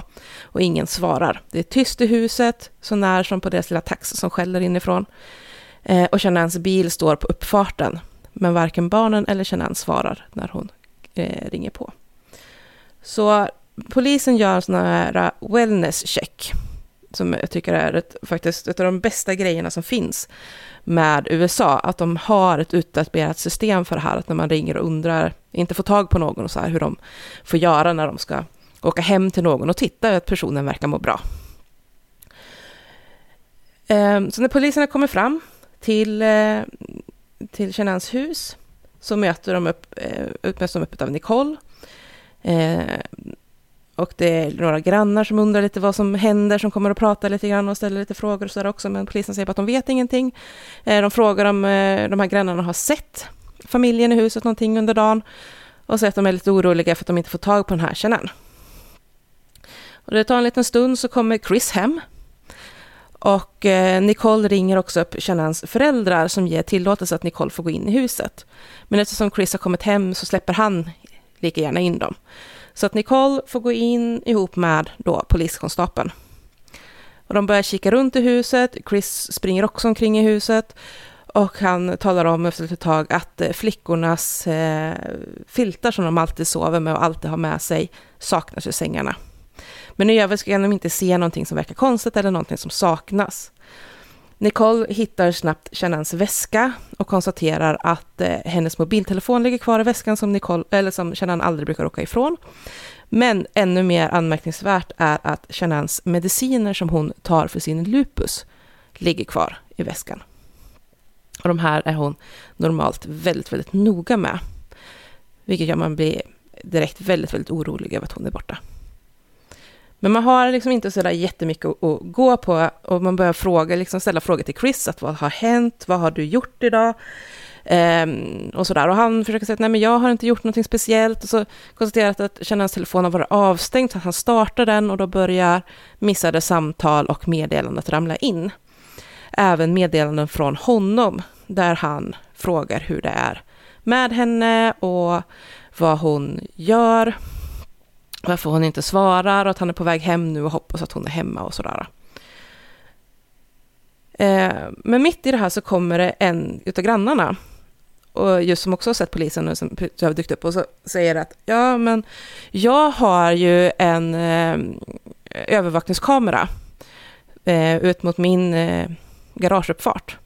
Och från den så ser man även till Chris hus och Chanans hus och deras garageuppfart. Så om ni vill så kan vi gå och titta på den inspelningen och se om vi ser någonting. Vilket polisen tycker låter jättebra. Och eh, de går över och börjar titta på den här uppspelningen. Och kan då se att vid runt fem, halv sex på morgonen så kör Chris upp sin bil nära, nära eh, deras garageingång. Och man kan se att han håller på att fixa med någonting i bilen. Han verkar lasta in någonting i bilen. Och man kan se hur Chris, i, säga, i den här dokumentären så får man se liksom de här grejerna just nu ur polisens bodycam. Så att polisen spelar in när de står och tittar på den här tv, tvn när grannen spelar upp övervakningsfilmen och Chris som står bredvid tvn och fipplar med telefonen och han blir mer och mer nervös och han står och liksom börjar åla runt lite grann och beter sig konstigt och han babblar, säger en massa nonsens och liksom beter sig konstigt. Och när de har sett det, de kan se av det här klippet så säger polisen till Chris att han kan gå ut och prata klart lite grann med en av de andra poliserna som har dykt upp. Så, så ska den här första polisen prata lite mer med grannen eh, ensamt. Och det märks att Chris inte riktigt vill lämna dem ensamma. Men han går ändå ut liksom, men ja, drar benen lite efter sig, eller vad man ska säga. Och så fort Chris har försvunnit ut så säger grannen direkt liksom att han beter sig jättekonstigt. På alla åren vi har bott grannar med varandra har han aldrig backat upp sin bil eh, på det här sättet för att lasta i eller ur någonting. Han brukar aldrig vara så här eh, babblig, han brukar vara väldigt, väldigt tystlåten. Och han brukar aldrig hålla på och fippla runt på det här sättet som han gör nu. Han beter sig jätteskumt. Eh, och polisen säger att okej, okay, men tack liksom så, men eh, vi, vi, kan inte dra för stora slutsatser på det här för att eh, tänk dig in i hans situation. Det här måste vara jättejobbigt, folk kommer liksom bete sig konstigt när deras eh, barn och fru har, gravida fru har försvunnit liksom. Men, men grannen liksom ändå ger det, så att nej men det här är, håll ögonen på honom, han beter sig jättekonstigt. På ytan så har Shanann och Chris verkat haft en väldigt bra relation. Shanann, i och med att hon håller på med sån här äh, multi-level marketing, så håller hon också på väldigt mycket i sociala medier. Så en stor del utav äh, den här dokumentären är också hopklippningar av filmer och inlägg och sånt där som Shanann har lagt ut i sociala medier. Och där är det liksom på ytan, eh, ja men idyllfamiljen, kärleksfulla pappan, väldigt tystlåten, ja, men den kärleksfulla pappan, han kommer hem, han leker med barnen, han är närvarande, han tar hand om sin familj och så vidare. Uh, och i något uh, videoinlägg så pratar Shannon om hur hon har, hade varit i en väldigt dålig relation, eh, uh, tagit sig ur den, varit väldigt nedbruten, vänt sitt liv och sen drabbades hon av lupus, och liksom hur hon på olika sätt har kämpat på. Och när hon träffade Chris, att hon verkligen gjorde allt först för att stöta bort honom, gav honom alla möjligheter att lämna relationen och han stannade kvar. Och liksom målar upp den här bilden verkligen av att Chris är den här liksom drömprinsen, en helt fantastisk man. Och ehm, eh, men samtidigt så kommer det lite sakta sådana grejer som att ja, men allting var inte så bra. Till exempel så har Chris familj aldrig tyckt om Chanel. Så att när de gifte sig till exempel så var inte hans föräldrar med på bröllopet. Eh, och bara dagar, eller inte dagar, men en väldigt kort tid, jag tror att det var typ en vecka innan mordet, eller innan Shanann skulle på den här eh, kick-off-grejen, så hamnar de i jättebråk efter att Chris mamma har varit på väg att ge Cici en glass med nötter i och Cici är jätteallergisk mot nötter. Så det blir ett bråk där han liksom tycker att du, du höll på att ta död på mitt barn.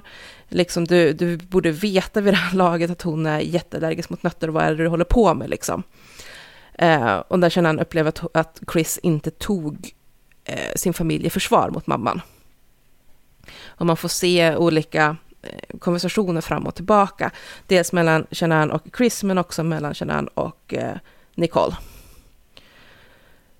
Så polisen håller lite vakande öga på Chris. Man skickar ut eh, nyhetsuppdateringar, man går ut och knackar dörr och lämnar ut lappar om att Shanann är försvunnen och frågar om folk har sett henne. Eh, och Chris får också göra ett kortare nyhetsinslag där han ber Shanann att höra av sig om hon mår bra och bara tala om vart, att hon är okej okay och att barnen är okej. Okay.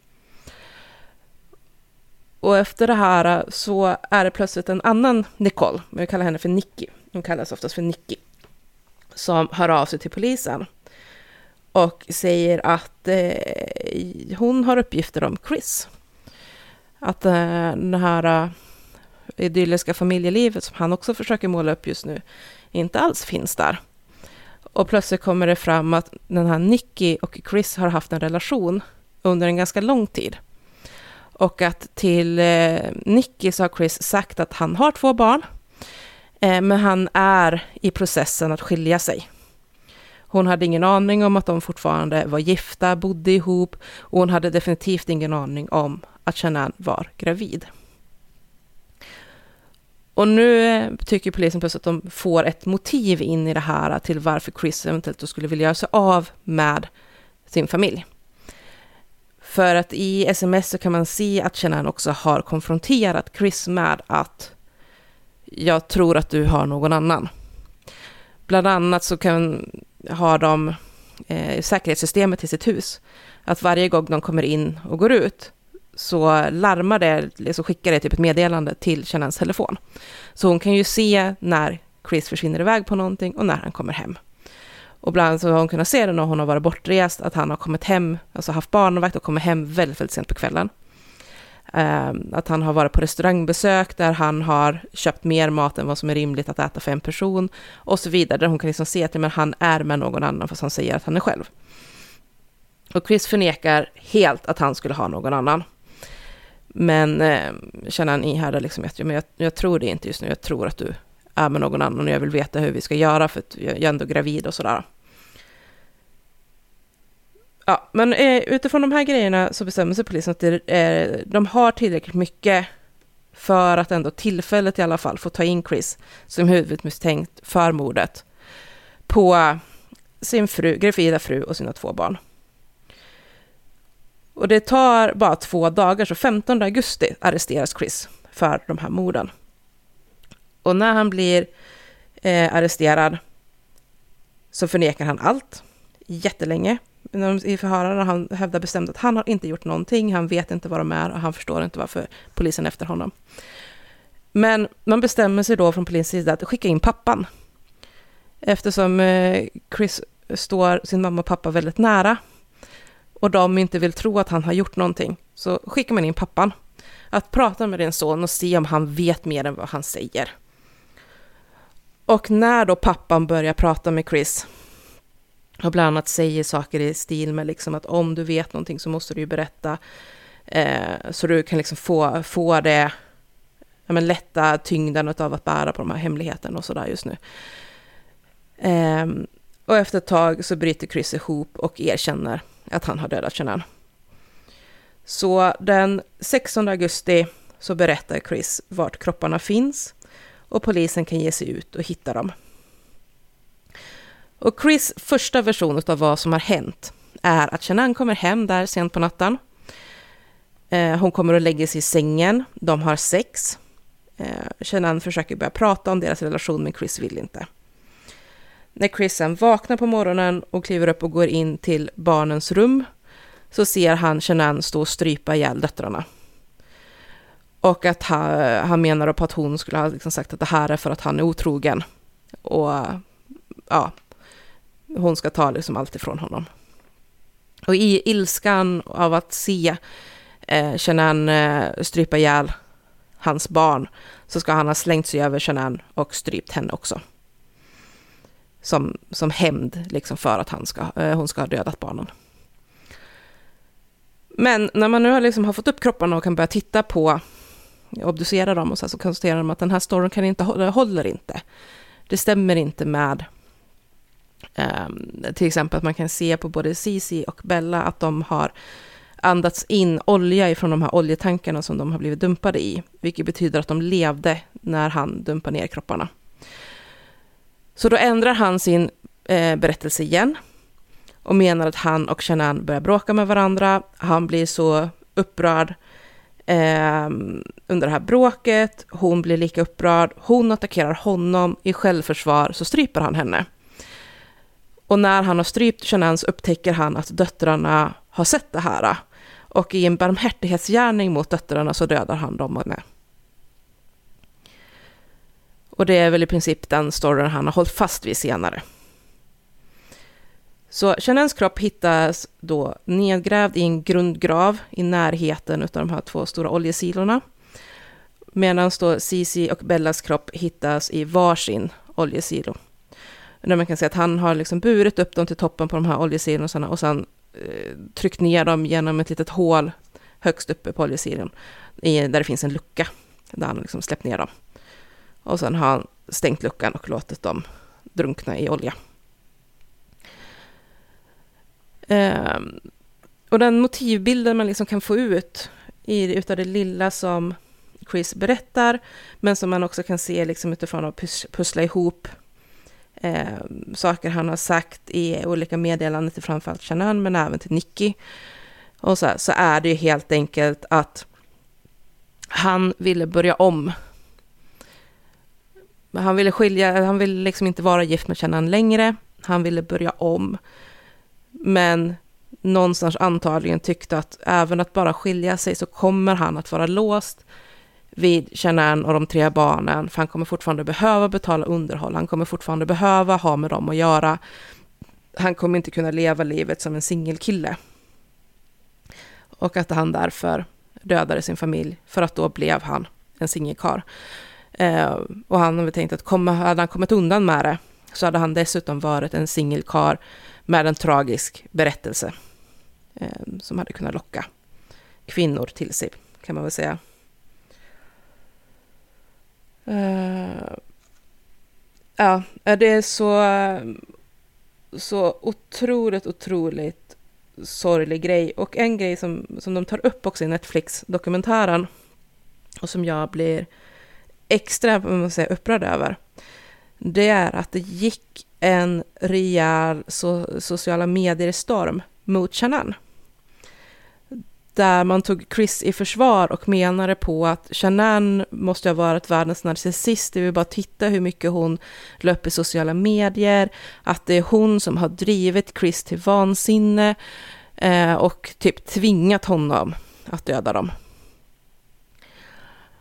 Och det är sådana grejer som gör mig skogstokig verkligen. Eh, jag tycker att den här eh, dokumentären är verkligen svinbra, men också så otroligt jävla jobbig eftersom hela, alltså det är ju ingenting som är skådespelat eller liknande i den här dokumentären, utan allting är ihopklippningar av hemmavideos, känna sociala medieposter eh, och polis, övervakningskameror och liknande. Så man får verkligen se fallet liksom lösas upp framför ögonen på en, eller vad man ska säga. Um, så att det Fråga. Sen har jag förutom att se den här dokumentären också lyssnat på eh, Crime Junkies och True Crime Obsessed när de pratar om fallet för ytterligare infallsvinklar på det kan vi säga och de är också jättebra.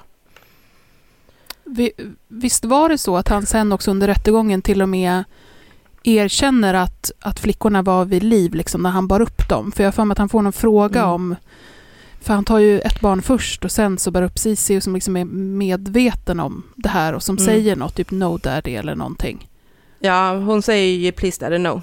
Ja. Och eh, gör motstånd. Och när de hittar kroppen så har hon bland annat skrapsår över rumpan efter att han har pressat ner henne i det här hålet.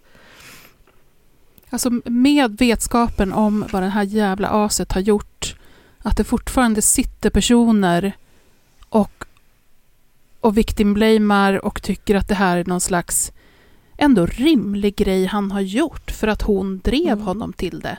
Det är så jävla äckligt. Mm.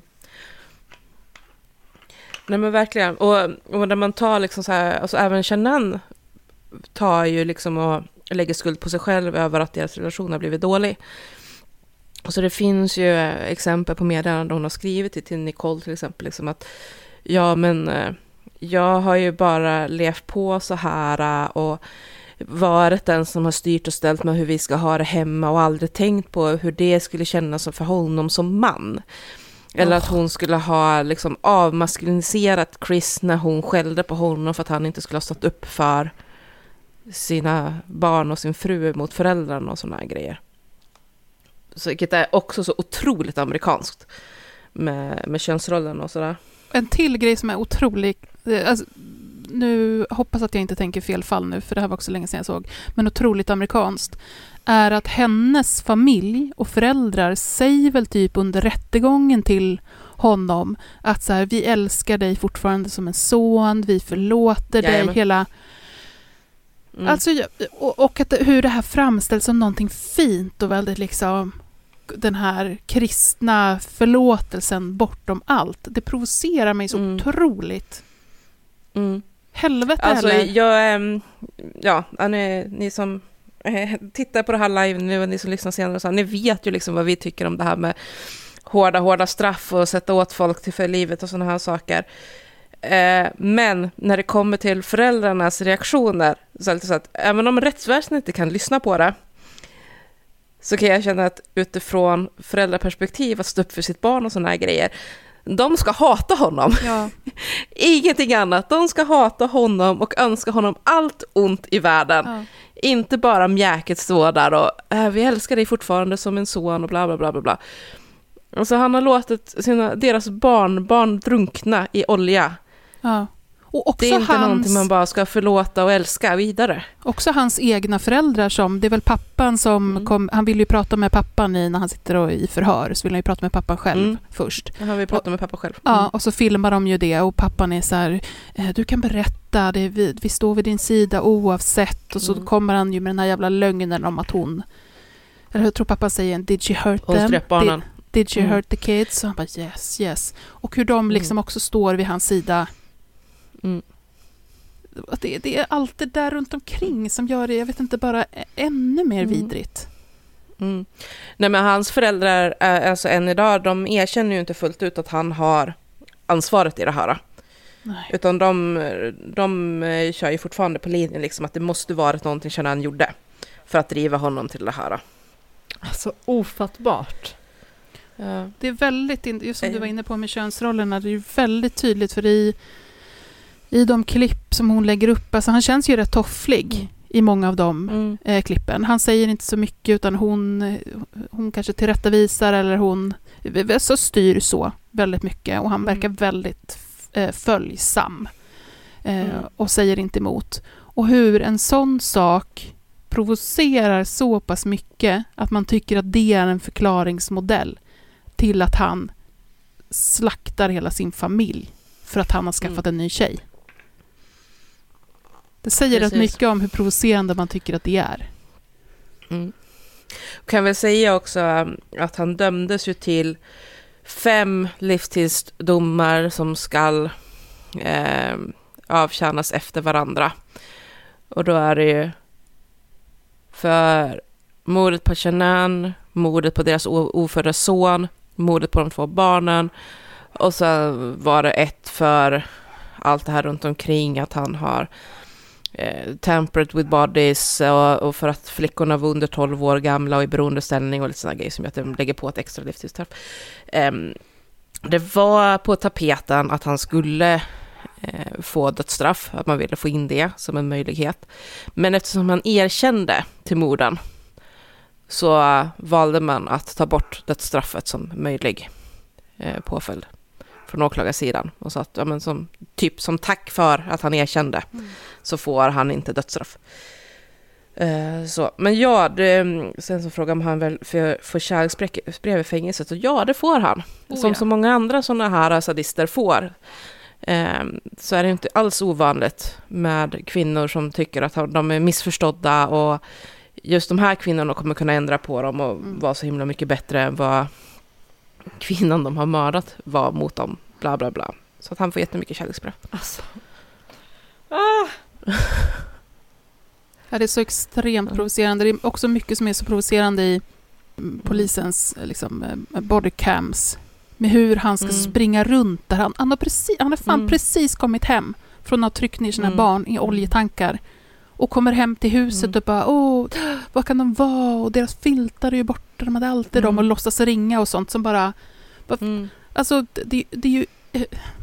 är ju illa nog att han har begått det här brottet, men vad fan finns det i en människa som gör att man efteråt kan Mm. spela det där Ja, spelet? men just det här att han startar upp telefonen och så kommer hans sms som han har skickat väl medveten om att nej men jag har mördat henne. Ja.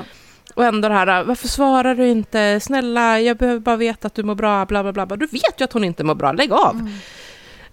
Ja. Jag blir så jävla provocerad.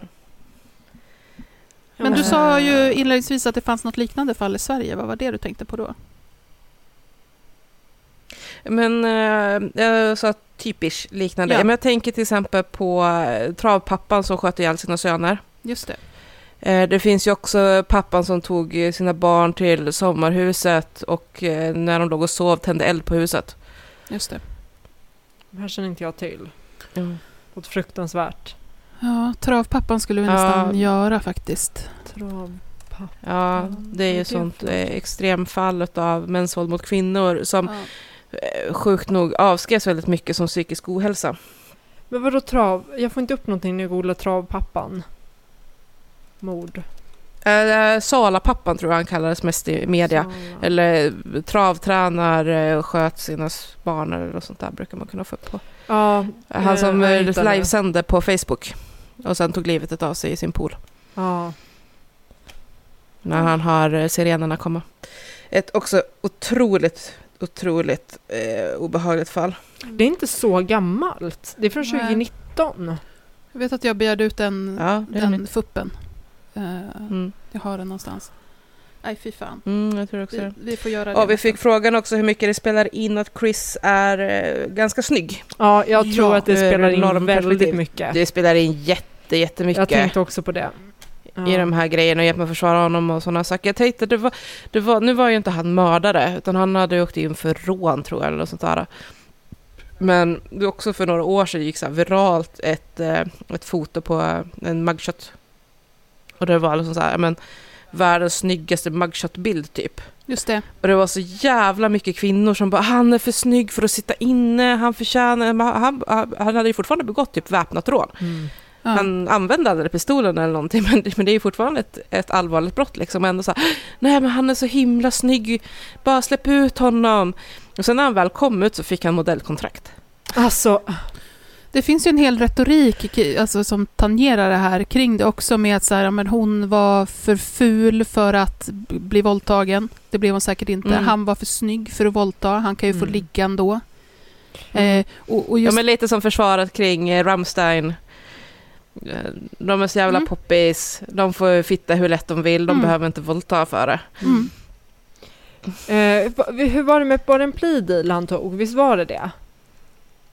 Ja, Så att de inte behövde ha jag en, en tror att det var en rättegång liksom. Men, ja, Ja. ha- men det är ju det, är ju det som det ingick i liksom, Mm. i genom att erkänna. Mm. Mm, Och berätta vad kropparna var. Jag tror att det var det Ja. de tog igen. Erkänna och berätta vad kropparna var. Och då sa man Mm. att nej, men då tar vi bort dödsstraffet. men och det, här- är också en sån här sjuk grej tycker jag. Med, Ja, det, alltså USA är så som SD vill härma. när det kommer till det här. Så, Ja. Jag tänkte det här med han, en förövares uh, snygghets, eh, snygghetsgrad. Vi, vi, Mm. Jag minns inte vilket avsnitt det var. Vi pratade om um, Barbie Ken fallet, va? Heter det inte så? Um, det här... sk- skitsamma, ett snyggt par. Barbie och Ken, kallades som inte för det. Ja, Barbie and Ken Killers. Ja, exakt. Ja. Precis, vi Som inte är så jävla snygga heller. Nej, men, de, det, var, Men det var väl 80-talet. Ja. Det var, men Ja. hur, hur det blir... de var snygga för sin tid. Ja, eller det, det, det sades väl. Hur det blir en, en omvänd version av den här, liksom, det, det perfekta offret. Ehm, där vi har bilden, som i, i mitt fall som jag tog, tog upp, där Mallory verkligen är, i och med att hon är söt och oskuldsfull och liksom ren och har en fin relation och sånt, så, så ser man brottet så mycket värre för att det ska inte drabba någon som är så god och fin som henne. Och det här blir, hänger ju med och blir precis samma sak fast omvänt då i fallet när det kommer Mm. till förövaret. Vi har väldigt svårt jag tror vi pratade om det med uh, Night Stalker också. Att man blir så här chockad Mm. när personen kommer in i rättssalen för man tänker sig inte att det är så en förövare ska se ut. Mm. Och den där hierarkin är, det finns det väl fan studier på hur man, hur man drömmer, vi har ju pratat om eh, hur man dömer eh, olika. Eller Ja, hur, jo, men det finns det. Mm. Eh, Ja. Och snygghet spelar ju definitivt, det har ju en roll. Typ, Ja, men det, det tog ju upp lite grann också Mm. med det här med skillnaden i domar mellan män och kvinnor. Exakt. Mm. Att, att snygga kvinnor som anses väldigt feminina eh, får lägre straff. Just det, när man passar in i den föreställda De bilden. passar in i kvinnorollen eller liksom den mallen och då eh, även i svenska domstolar så upplever man liksom en sån kvinna som mindre hotfull, mindre farlig och därmed också mindre kapabel till brott. Ja, precis. Ja, så. Åh, Adam skriver här, det mörka psyket tog upp bland annat det här om kärleksbrev till grova brottslingar i ett avsnitt och det var mycket intressant. Men ja, det är jätteintressant och det Mm.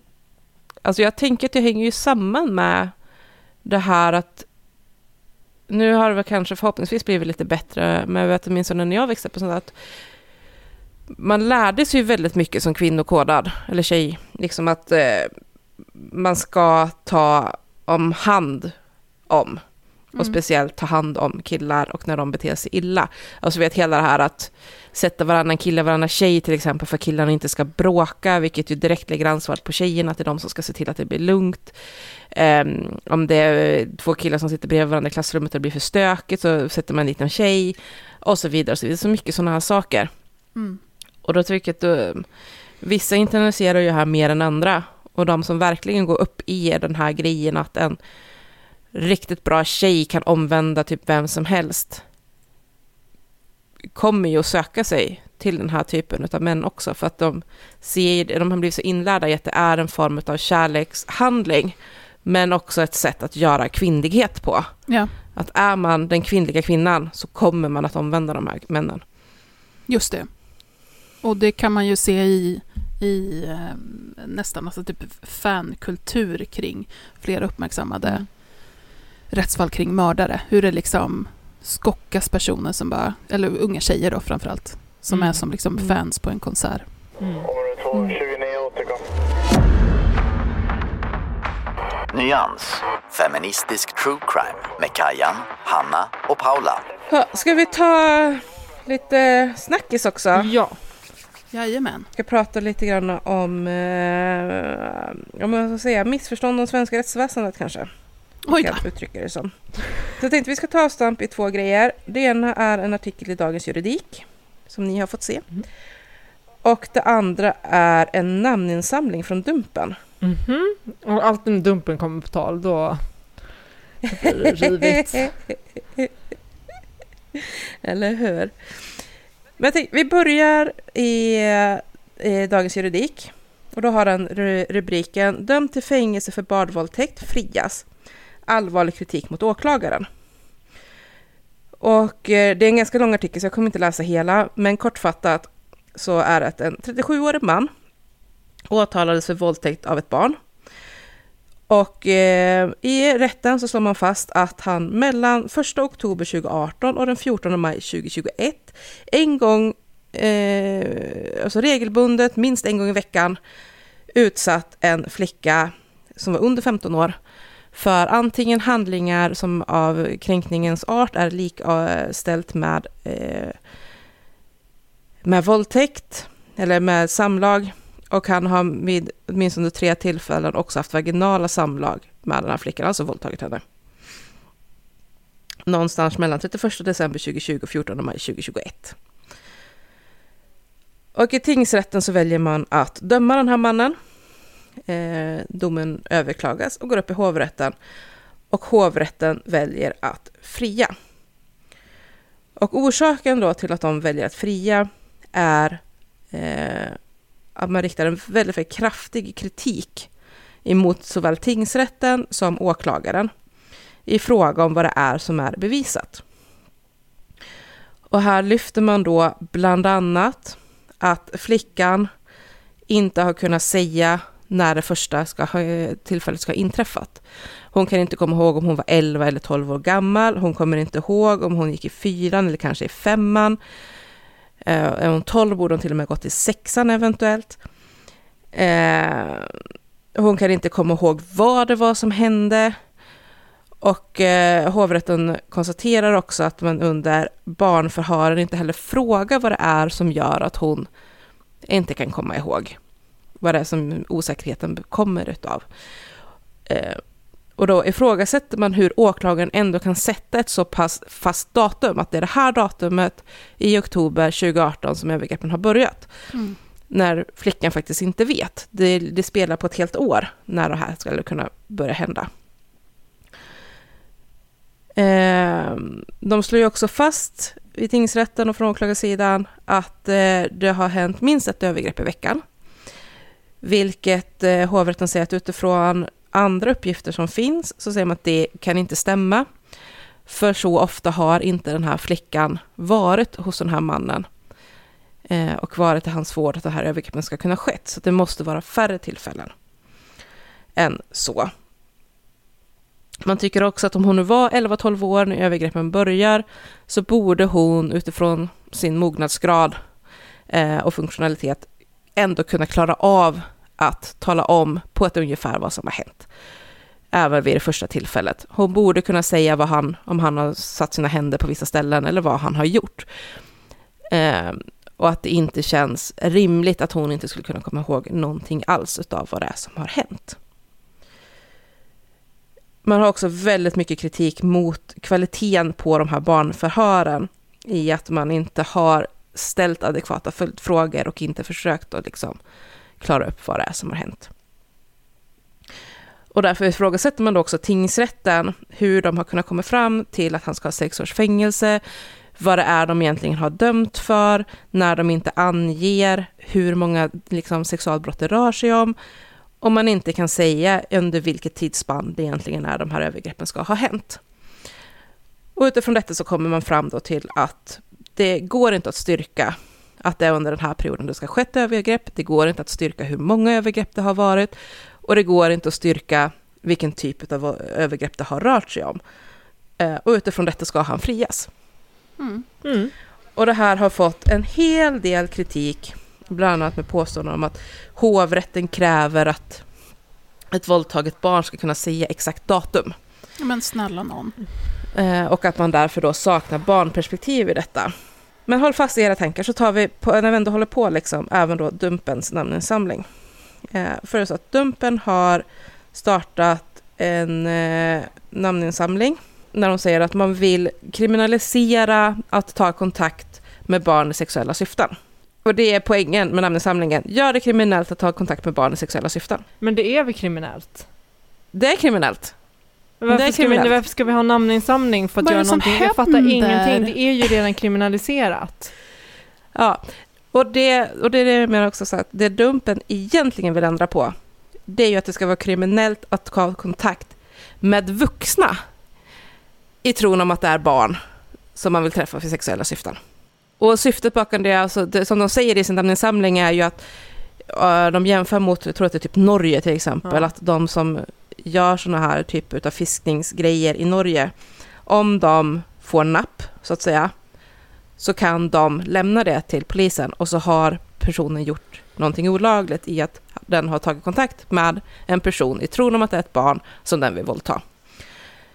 Eh, men i Sverige så blir det typ sexuellt ofredande om personen har skickat in en dickpic och det är det enda man kan göra. Mm.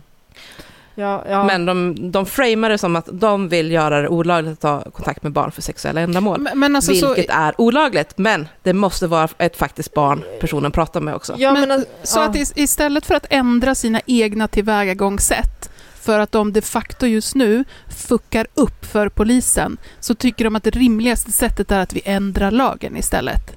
Mm. Och så tar de det till något omsvep att vi ska ändra eller tillsätta en lag som redan finns. Det här är så dumt så jag vet inte. Ja, alltså, och åtminstone kan man ju tycka att nu får de ju vara ärliga och tydliga med vad de vill ändra och inte få det att låta som att det inte är kriminaliserat att ha kontakt med barn i sexuellt Ja. syfte. Då får man ju säga det, att man vill att det ska vara olagligt att ta kontakt med vuxna i tron om att det är barn. Men det här funkar ju med deras liv och, och Ja. följare till, till Dumpen som alldeles uppenbarligen har inte koll på hur lagen ser ut kring det här. Då låter det ju superrimligt när de Mm. säger det. Mm. Mm. Och ingen jäkel Mm. kommer att säga, men vänta nu, det är ju faktiskt så att det redan finns som ett brott. ja, alltså, Utan det stärker ja, ju bara deras... Ja. Mm. Ehm, Ja, men jag tror också grejen är ju att de, de ju också skapar narrativet på något sätt att det, att det då skulle bli olagligt först om den vuxna kommer till en bestämd plats och verkligen träffar ett barn. Men så är det ju inte. nej, nej så Utan- är det inte. Om, om eh, jag men, säg att någon eh, har tagit kontakt med min 12-åring Mm. och tycker att hej, kan inte vi ses och försöker liksom få till någonting. Och min 12-åring kommer prata med mig att hej, det är någon konstig vuxen som försöker få mig att vilja komma och träffas. Då är det redan där olagligt. Det Mm. går att anmäla. Mm.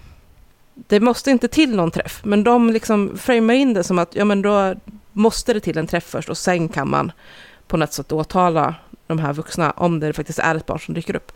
Men så ser det inte ut. Så jag blir, jag blir frustrerad på båda de här grejerna, liksom hur man lägger upp det. Och jag tänkte också, det var ett av sommartalen Mm.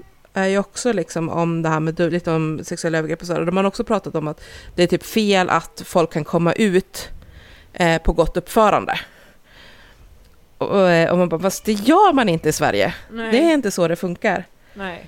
Om vi ska prata om det här äh, första fallet med, med tingsrätten då, som alldeles uppenbarligen gör ett dåligt jobb.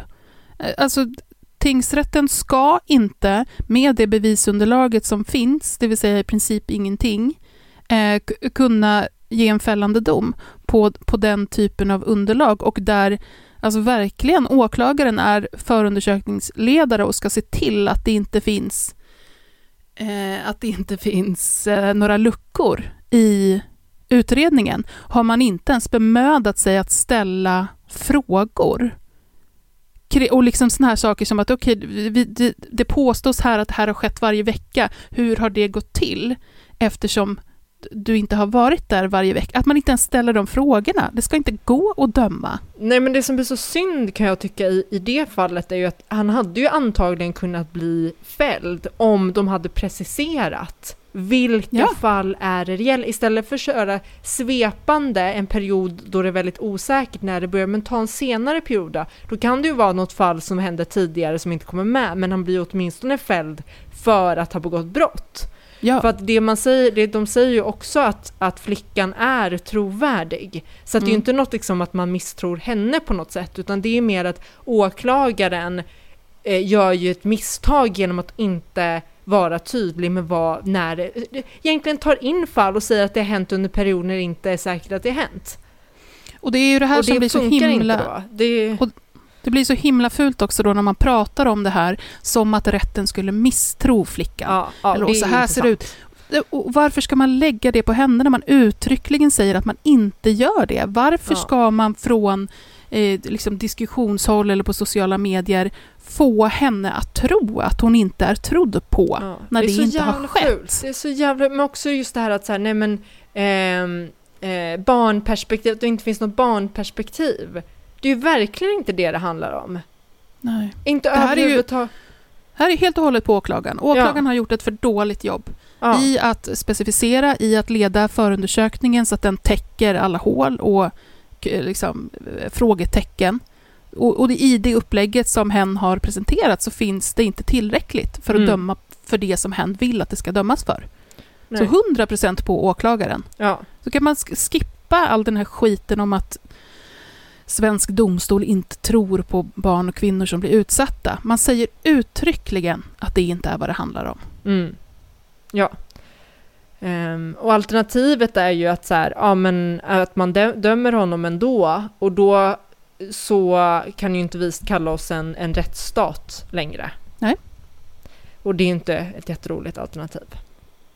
Nej, och det jag vet liksom inte hur man resonerar kring när man, när man förespråkar då att han skulle ha dömts utifrån det jobbet som åklagaren har gjort och det fall som han har presenterat och de brottsrubriceringar och tidsspann och allting eh, som är presenterat. Att man vill att, att den här personen ska dömas ändå, då måste man ju också förstå att det, då är det här någonting som förs med till precis vartenda fall Mm. och precis varenda, eh, vartenda offer, varenda åtalad i, i precis allting. Och det är inte ett rättssäkert upplägg, det är inte det. Och det går ju jättebra att rikta kritik mot för herregud, vi gör ju det hela tiden. Mm. Men då måste man ju också ta sig tiden och sätta in i, i, sig i det tillräckligt för att kunna rikta kritiken rätt och inte hitta på Ja men exakt, saker. det finns ju definitivt utrymme att kritisera i det här fallet, men vi Oh, måste ju ja. kritisera rätt aktör. Och i det här Mm. fallet så är det ju inte hovrätten som det ska riktas mot. Nej. Framförallt åklagaren och även tingsrätten som, Mm. som Mm. inte har satt stopp. Japp. Ja. Ja, Jag tycker definitivt i synnerhet åklagaren är ju som har klantrat till det här ordentligt. Ja. Och det är där kritiken framförallt ska läggas. Mm. För domstolarna måste följa lagen. Mm. Så enkelt är det. Mm. Men jag skriver under på all, all kritik som formuleras mot, mot Mm. åklagaren. Mm. För att det ska inte behöva bli så här. Nej, precis. Men jag tänker, jag vill verkligen bara, jag håller helt med dig Kajan där också om att vad är det för jävla sätt att hålla på och lyfta fram i sociala medier och få det att låta som att flickan är misstrodd? Tänk om hon läser det? Det är, så klart här- att det kommer fram till, till Ja. eh, familjen, eller Ja. dem. Självklart. Och det, Det är är det så- som blir så fult, för att det är inget... Man, man kidnappar ju henne och hennes sak för att driva fram någon slags... Eh, någon linje som man liksom har bestämt sig för, fast det inte finns något som helst underlag för det. Och det är, jag tycker att det är så osmakligt. Men också driva en linje som man sen liksom letar bevis för Mm. och då vinklar det utifrån, ja, för att det ska passa in i det narrativet. Vi har två domstolar som uttryckligen säger att den här, det här barnet är eh, trovärdigt och eh, det, det finns ingen som liksom tvivlar på det hon säger på det sättet. Då, då Mm. får man inte sitta och sprida ut att rätten inte tror på henne. Man får inte göra så, det är jättefult. Mm. Område 2, 29 återkom. Nyans. Feministisk true crime med Kajan, Hanna och Paula. Vi säger tusen tack för att ni har lyssnat på det här avsnittet. Ni som hörde i lurarna, var synd att ni inte var med och tittade eh, live, för det var väldigt mysigt. Eh, Det här kommer vi göra fler gånger, så se till att bli eh, Patreons så att ni kan vara med live nästa gång. Men tack för att ni har lyssnat och vi hörs snart igen. Puss och Puss kram! och kram! Hej! Hej! Okej, nu ska jag stoppa inspelningen. Stopp.